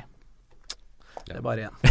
Så det ble bare ett bytte når vi går gjennom. Det ble ikke to. Nei, det ble Mike Jensen og André Ja, ja, du tok Ja, ja, ja. Jensen Ja, jeg tok Jeg gjorde det. Ja. Jeg gjorde det allikevel. Ja, okay, ja. Så jeg burde jo hatt han. Men Mm. så uh, Men Jan Derek, altså Ja, for at man kunne jo også stilt spørsmål med Jan Derek og eh, Pål André Helland, men eh, du mener Jan Derek er klart foran? Ja, på grunn av at jeg syns ikke Altså, Pål André Helland har vært Det er snart to år siden han var god. Altså, jeg snakker ikke om én kamp, Nei. men god over tid. Altså, f- det vanskeligste og det er å gjenskape en god prestasjon. Ikke sant? Gjør det over flere perioder. Og det har ikke Pål André Helland ennå gjort. Men Kåre har han med pga. at han kan gjøre sånn som han gjorde mot Viking. Han gjør et godt løp, tar den herlig ned og setter den. Altså, Plutselig setter han et frispark, et innlegg. Det er han god på. Men alle de andre faktaene der han skal stå og holde unna stopperne, som en Gøran Sørloth med ræva si, ikke sant, skal stå ah, Nei, sorry, Mac, altså. Og Jan Derek med ekstremfarten sin, selvfølgelig. Ah, ja. Og tsk, forbi og innlegg, og Karev skalla han inn. Vi skal holde oss i Trondheim. Vi må kort innom eh, Ranheim. Vi har snakket om de, vi kaller de Rosenborg 2 her i dette studio. Det er jo ofte sånn det fungerer, at uh, unge fremadstormende talenter går til Ranheim og blir henta tilbake når de har blitt tynnere, som Pål André Helland uh, Han gikk jo til Hødd, han. Han gikk til Hødd, han. Ja, ja, ja. Det var jo Han var innom Ranheim også. Ja, men altså, jeg tenkte på altså, alle Lars Arne Nilsen. Liksom både Helland og Dio var det han som fikk uh, orden på uh, borte på Nordvestlandet. Men samme det. Unnskyld. Videre. Men nå igjen så ligger Ranheim på toppen av tabellen i, i førstedivisjon, Obos-ligaen. Eh, Ni poeng eh, på tre kamper. Men eh, kommer de til å holde seg der, Nei. eh, Lasse? Nei, overhodet ikke. De Nei. kommer til å få en eh, høstsesong hvor de kommer til å gå på noen tap på rad, og så kommer det til å gå sakte, men sikkert nedover tabellen. Og så havner de kanskje på kvalik og går gjennom en kvalikrunde eller to, eller så havner de rett utenfor kvalik og holder seg ganske greit i Obos. Og det skjer år etter år. Uh, at de er gode på våren og dårlige på høsten. Og det får jo folk som er glad i konspirasjonsteorier, til å lure på om det er litt styrt fra den litt større storebroren i Trondheim. At de ikke får lov til å rykke opp i Eliteserien. Kom igjen, Jan Ivar! Dette er Mini, For en Mini, hva sier du om det? Uh, for en god del år siden så skulle Rosenborg ha en samarbeidsklubb. Mm. Uh, Strindheim holdt på å gå konkurs, hele klubben, pga. at noen der satsa så mye. For at Ranheim ble valgt. Strindheim ble forbanna. Som da Strindheim er Norges største klubb innenfor håndball. Mm. Hele klubben holdt på å gå konkurs pga. Fotballaget satsa langt over, så nå er det skilt ut da til å være Strindheim toppfotball og alt det der. Eh, men Ranheim har ikke lenger samarbeid med Rosenborg. Det samarbeidet er over. Eh, for det, samarbeidet var jo at Ranheim fikk gratis treningstid og litt sånn, og så var det i forhold til eventuelt kan dytte litt spillere hit og dit. Men jeg tror ikke det er noen spillere nesten som har kommet fra Ranheim til Rosenborg. Nei. Men det- Rosenborg har lånt ut noen til Ranheim. Ja, jeg har gjort der, og litt sånn, og nå er jo Levanger også her, Men hvis den samarbeidsavtalen er over, det setter jo saken i et helt annet lys for disse konspirasjonsteoretikerne, så da rykker Ranheim opp, Ja, da. da. Og, nei, men det, det gjør de nok ikke. Og jeg har jo også sagt at uh, Ranheim skal ikke rykke opp, for det er ikke deres lodd her i livet å være på den plassen. Eh, og de kan godt ligge der og spille litt kvalikkamper, som du sier, og så taper du også. For det er liksom det. For at det viktigste for Ranheim, som da er sjanseløs i markedet Rosenborg tar alt av penger i Trøndelag og alt det der. Så må du holde deg ædru, altså i forhold til at spillerne ikke skal ha lønn. De skal hva på å si, være det fortsatt Rosenborg var det et postulat en gang i tida, det er visst borte nå. Rosenborg skal være et lag av og for trøndere. Det er Ranheim har tatt over det nå. For det er nesten bare trøndere på det laget der, og så har du noen Reginiussen-gutter der også. Så eh, det skal det være. Det skal være gutter som får muligheten til å spille fotball på et høyt nivå, men ikke tjener penger på det. Altså litt penger har de, men ikke mye. For klubben har 10-12 millioner i budsjett, og det er så vidt de klarer å få tak i de pengene. Men hvorfor er det så ofte sånn at de er gode på våren og dårlige på høsten? Nei, det vet jeg. For jeg trodde jo heller ikke det at de Hvis du har spurt meg før sesongen, står de med ni poeng, så ville jeg sagt nei. Ville jeg gjort. Ja. Så uh, det er vanskelig å si. Men det er jo uh, Og treneren de har, Svein Målen, var analysesjef i Rosenborg en liten periode. Har trent eh, eh, Kattem. Eh, Damefotball. Liksom. Har ikke noe historikk på å ha drevet over lengre tid, alt det, men får det til. Gjorde det bra i fjor, så all ære til han. Altså. Skal jeg gi dere et argument for opprykk til Ranheim? Ja. Øyvind Storflor. Oh, der ser du. Ja, det er sant, det. Øyvind Storflor. Ja. Legenden. Ja. Dette er toppfotball. Og så er det ny eliteserierunde som sparker i gang 22. april. Da er det Godset Sandefjord som tjuvstarter eh, litt på den, eh, Håvard. Hva tenker du om Godset? Nei, dette her har jo plutselig blitt en ekstremt viktig kamp i Drammen. Ja. Altså med den uh, dårlige seriestarten og og det er klart, uh, å spille 1-1 eh, borte mot Sogndal er liksom Det er ikke isolert sett katastrofe for SIF, men ikke sant, når du kommer fra uavgjort hjemme mot Ålesund, og så bort dit Så nå er jo alt press på godset. Og har tålmodigheten til Lars Bohin betalt seg? Altså Han har jo også vært urokkelig på sitt. Han har også vært han, han har også fått mye kjeft for å gå ned med tre bak, og nå må du gi deg, nå må du spille. Nå er han oppe igjen, og nå plutselig ser det Det er tidlig. Det er tidlig, Mini. Ja, det ser bra ut. Og, og Flamur Kastrati, mannen som ble gitt bort av godset, som ikke funka som flanke, som alltid sa 'jeg er spiss', som han fikk vel fikk en særlig minutter for Ålesund? Nei, nesten ingen. Og så til Sandefjord nå, og så begynner han å levere. Og det er klart, han er jo Flamur Kastrati er ei bikkje, ass. Han er ikke en perfekt fotballspiller, men han går inn i alt av dueller, og han gir alt. Eh, og han har lyst til å, å putte i Drammen. Så denne her, den er hard, altså. Det er litt sånn Og vi må vinne! Ja. Skjønner du hva jeg mener? ja. Altså, vi, altså Noe annet er Ja, for nå, nå er vi Nå, nå For Sandefjord er Sandefjord. ja, Sandefjord er. Sandefjord, de skal slås hjemme. Ja. Men nå kommer de med ingenting å tape samtidig. Vi er nummer ti i elite. Fire runder, det er lite, men vi er nummer ti. Og hvis det blir tap her Og det er lenge Altså, på de siste 14 eliteseriematchene så har Strømsgodset to seire. Ja. Altså hvis vi tar med slutten i fjor og, og starten i år. Det er dårlig. Dere har bare vunnet én gang eh, i år. Ja, mot Haugesund, og Ja. kanskje også litt heldig. Men vi kan også si at vi var litt uheldige mot, uh, mot Ålesund, at der skulle vi tatt. Men uh, Sandefjord ah, Den er vond nå. Og, De og er Flamur har lyst og Ja, de er i dytten, og de er kommet opp igjen. De har uh, byen litt bak seg, og de har Ja, lave forventninger, men leverer. Ah, dette, er, dette er hardt, ass. Lerkendal Mini, dagen etter, møter eh, Rosenborg Ålesund. Rosenborg er like klink som godset. Uh, jeg hører han er bekymra på andre sida av bordet her, men Ja. det er på grunn av at han er godsesupporter, selv om jeg hører du sier SIF. Er ikke det bedre å si godset? SIF? Det er, Jeg liker å si SIF SIF noen ganger. SIF høres ut som en sånn skøyteklubb. eh. Strømsgods idrettsforening. Jeg Ja. liker de gamle tinga litt. Ja, ok. Ja. Mm. Um, uh, Rosenborg slår Ålesund, helt klart, og Godset kommer til å slå Sandefjord. Selv om uh, jeg satte pengene mine på Sandefjord i helga mot Kristiansund. Uh, og Kastrati, eh, var det Bohinen som har sagt nå nettopp her at eh, jeg er redd for å miste han til sommeren. Eh, OK. Ehm, Det hadde ikke du vært redd for? Nei, altså Kastrati har spilt fotball i masse år, og definitivt en riktig mann for uh, Sandefjord å ha der. Men at uh, en toppklubb i Norge eller i Sverige eller noe sånt skal hente han, det har jeg veldig lite å tro på. Uh, men Bohinen gjorde riktig i forhold til Kjell Rune Selin, som han har hatt en del år. Leverer på Obos-nivå og alt sånt, men så blir nivået akkurat for høyt for Kjell Rune, som er en strålende fyr, og leverer vel til en viss grad for Sandnes Ulf nå. Ja, ser OK ut. Ja, ikke sant? Eh, Men Kastrati er også skal være der i Sandefjord. Men at eh, Godset vinner den kampen der, det tror jeg. Selv om jeg var litt bekymra når du sa at de har vunnet to av de siste 14. Og det er under Skullerud.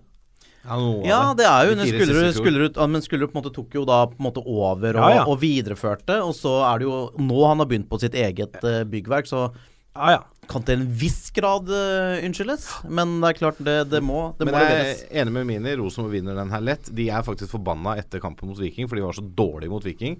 De tok jo ikke seiersrop i garderobene etter kampen engang. De er rett og slett skuffa over prestasjonen. Rosenborg kommer til å kjøre over Ålesund på Lerkendal. Klink K. Åråsen. Lillestrøm eh, møter Brann. Ja, den er jo litt mer åpen på en måte, fordi at eh, Brann, som nå har da fått to seire, har ennå ikke vunnet på bortebane. Eh, Børven og Bråten-kombinasjonen nå sist mot Haugesund var jo brennheit. Ja. Eh, gøy å se Børven begynne å skåre mål igjen, selv om jeg syns det er for vel klubb. Eh, de eh, har lite skader i troppen sin, eh, Brann. Eh, har egentlig alle mann på dekk. Og så har du Lillestrøm, da, som har nå tre tap på rad. Har ennå ikke tatt ledelsen i én eneste kamp i årets eliteserie. Origi er tilbake i mål etter at Fernandez sto de tre første. Har ikke funnet helt elveren sin. Bytter litt i laget. Men har jo da, hvis de kjører Malik og Skoda på topp, eh, 3 meter og 90 cm med spiss. Det er greit. Spisspar. Det er jo høyde Høres eh, ut som Arne Erlandsen-fotball. Det er jo ikke tilfeldig at Kjeller ligger rett borti gata. Kjeller flyplass ligger rett borti gata der. Altså dette, er, dette blir, det blir jo Erlandsen-fotball også på Åråsen. Dødballer, øh, høye baller inn, kriging. Eh, jeg tror dette er en sånn helt åpen kamp som fort ender med en 1-1-variant, altså. Hva med Brandak? Eh, Kan de utfordre nå? Altså, Ja, de kan jo det hvis de får det offensive spillet de viste den tidvis mot Haugesund til å flyte også på Åråsen. Så kan de jo det. Uh, og Børven uh, kan være vanskelig å få has på når han er litt i uh, draget der og har Endelig steget. scora for Brann. Ja, ikke sant. Skåra to òg. så han er jo sikkert i Har sikkert kjempeselvtillit nå. Eh, men Tror du ikke de skal bruke Olav borte? Nei, mulig. Det, det, er vanskelig å benke Børven etter Ja, to ja. mål, da. Tror jeg, da. Ja. Så det blir, jeg, jeg tror det er en veldig åpen kamp som Lillestrøm bør og må vinne nå. For de, selv om de vant den første seriekampen hjemme mot uh, Sandefjord, så er det som sagt tre tap på rad. Eh, Lillestrøm bør begynne å plukke litt poeng nå. Hvis ikke så blir det en tung, tung, Jeg tror det tung tøft. jubileumssesong. Jeg tror det blir tøft for Lillestrøm å få mer enn ett poeng her. Ja. For jeg, jeg tror det er et ganske dårlig lag. Jeg, Mm. Ja, tror de de har, jeg tror de har truffet ganske dårlig i overgangsmarkedet. Henta mye Eh, andredivisjonsspillere. Ja, og det, og det kan jo det, Kanskje er det fordi at de ikke har penger. Altså Det kan bruke alt mulig unnskyldninger til at de ikke klarer å, å få tak i gode nok spillere, men jeg tror, eh, jeg tror det blir en tung år Nei, tung, tungt år, unnskyld. på, på Åråsen. Og eh, kan dette være året LSK går ned? Oh. Vi får se. Det skal vi snakke mer om Ja. uh, utover året. Uh, vi må til Haugesund. De tar imot uh, Molde Mini. Jeg tror Haugesund vinner, eh, men det er ikke noe klink. Eh, Molde definitivt eh, er veldig god hjemme. Altså De er bra på kunstgress, og det går unna og alt det der. Og, men Haugesund på hjemmebane er også sterk. Det der er en sånn kamp der jeg vil holde meg unna tippemessig. Altså Hvis du skal på det heter på oddsen, så holder jeg meg unna en sånn kamp, for den syns jeg er såpass åpen. Ja. Så der er sånn Jeg ville ha sagt 33, 33, 33. Det er jo litt typisk at et lag som har kommer fra en storseier, går på en smell etterpå. Ja, Molde som sjelden de vinner, i hvert fall. Ja. Mm. Vet du en ting som eh, jeg oppdaga, som jeg definitivt eh, Jeg vil påstå at det er en faktaopplysning uten at jeg har fakta. Alle lag som slo Rosenborg, eller gjorde en god kamp mot Rosenborg opp gjennom tida, tapte alltid sin kamp Etter, etterpå. ja. For de har mobilisert sånn opp imot at du får et eller annet sånn du detter. Ja, dett litt ned, Ja. og så taper du kampen etterpå. Det var derfor jeg trodde, uten sammenligning for øvrig, men jeg var ganske sikker på at Sandefjord skulle få det tøft hjemme mot Kristiansund. Ja. Fordi at de vant på Ullevål mot uh, Vålerenga. Forrige gang Sandefjord vant i Eliteserien på bortebane, var i 2010. Det var mot Vålerenga. Mm. Og de hadde jo da gått to hele sesonger, sist, de to siste gangene de var oppe, uten å vinne på bortebane. Og så tapte de første bortekampen i år, og så kommer de til Ullevål og vinner igjen. Da tenkte jeg at her blir det så mye som kommer ut, at det, kampen mot Kristiansund ble tøff. Men de hadde sånn flaks at de spilte mot Kristiansund, som er et kunstgresslag og er helt sant. ny og alt Ja, ja. det greiene der, dem òg. Så jeg tror de det fått- hjelper. Har de møtt en litt bedre motstander? Fått Brann på Ja. komplett der, så hadde det vært et helt annet uh, Definitivt. Ja. Mm. Men det er, det er bra uansett, og det virker på en eller annen måte Ja, kanskje litt heldig med setup i starten, Sandefjord. Men har Bohinen gjort noe riktig med å være så sta? mulig, mulig. Det, det, det, er det, det er den diskusjonen jeg vil ha på bordet, for han har fått så mye kjeft. Den tar vi en annen dag. Ja. Ja, det var det vi rakk i dag. Beklager til de lagene som ikke rakk å gå gjennom. Men uh, vi har mye mer tid resten av sesongen. Um, Vålerenga-Sogndal helt åpen. Viking Odd uh, B. Sarpsborg, Kristiansund eh, H. Tromsø-Stabæk U. Sånn, Ja, da var vi ja, gjennom har vi vært gjennom. Takk, Lasse. Takk for meg. Mini, tusen takk for at du kom. Det har vært en ære. Bare hyggelig. Det har vært eh, kjempeartig å være Altså, hva vi har jobba nå? En og en halv time? Det, det er jo eh, Jeg så synd i ørene på dem som har sittet og hørt på det. Nei da, de koser seg. Du må hilse Vendela. Ja, Ja. Hilse til Vendela. Ikke Jan. Mhm. Ikke jo, til ja. Jan. Jo, hils Jan og herregud. Hils hele gjengen, men hils litt spesielt til Vendela. Ja. Vi er Toppfotball på Facebook, Twitter og Instagram. Gå gjerne inn og send inn noen spørsmål til oss. Det blir vi glad for. Uh, og så er vi tilbake neste uke. Uh, da mest sannsynlig med breddekongen Jørgen Kjernås. Ja, det er hyggelig. Ja, da får vi endelig litt uh, Ja, Lasse og jeg Jeg vil si Vi to er lettvekterne, som jeg ser det. Du er ja. Men- La- Lasse er hakket over. Ja. Eh, ganske mange. Og så har du Jørgen, men Jørgen kan alt. Jørgen er Ja, men Rosenborg. Jørgen Kjernås, er, er det slekt? Er det sønn? Ja, sønn, ja. Er det? Du Ja. vet at Lars Kjernås trente meg som småguttespiller i Bodø-Glimt. Oi. Han var i militæret i Bodø. For en fin historie. Og da trente han meg, og der er det Var han like mild den gangen? Ja, og det, det som var fantastisk, det, det en historie, det var Vi kødda med han. Og eh, jeg kom da på krøkka inn til en kamp og sa at jeg hadde vært og datt på mopeden og litt sånn, og kunne ikke spille. Så jeg bare, han tok ut laget, og liksom Og så bare sa jeg Nei, jeg bare kødda. Så bare så var borte, jeg bare kødda med og sånn. Jeg er klar. Så da må, gjorde han det da om på laget. Så han som da eh, skulle egentlig spille for meg Sorry, Mini er frisk. Ja, det er Åssen har det gått med han? Blei det er psykiatrisk. Ja. Den er tung, den er tung. Kjenner meg igjen. Vært på andre sida der, ja. Det har vært mye gode stories i dag. Vi runder av som vi alltid gjør, Håvard. ja. Vi er en gjeng. Vi er en gjeng. Jeg er alene. Ha det. Ha det.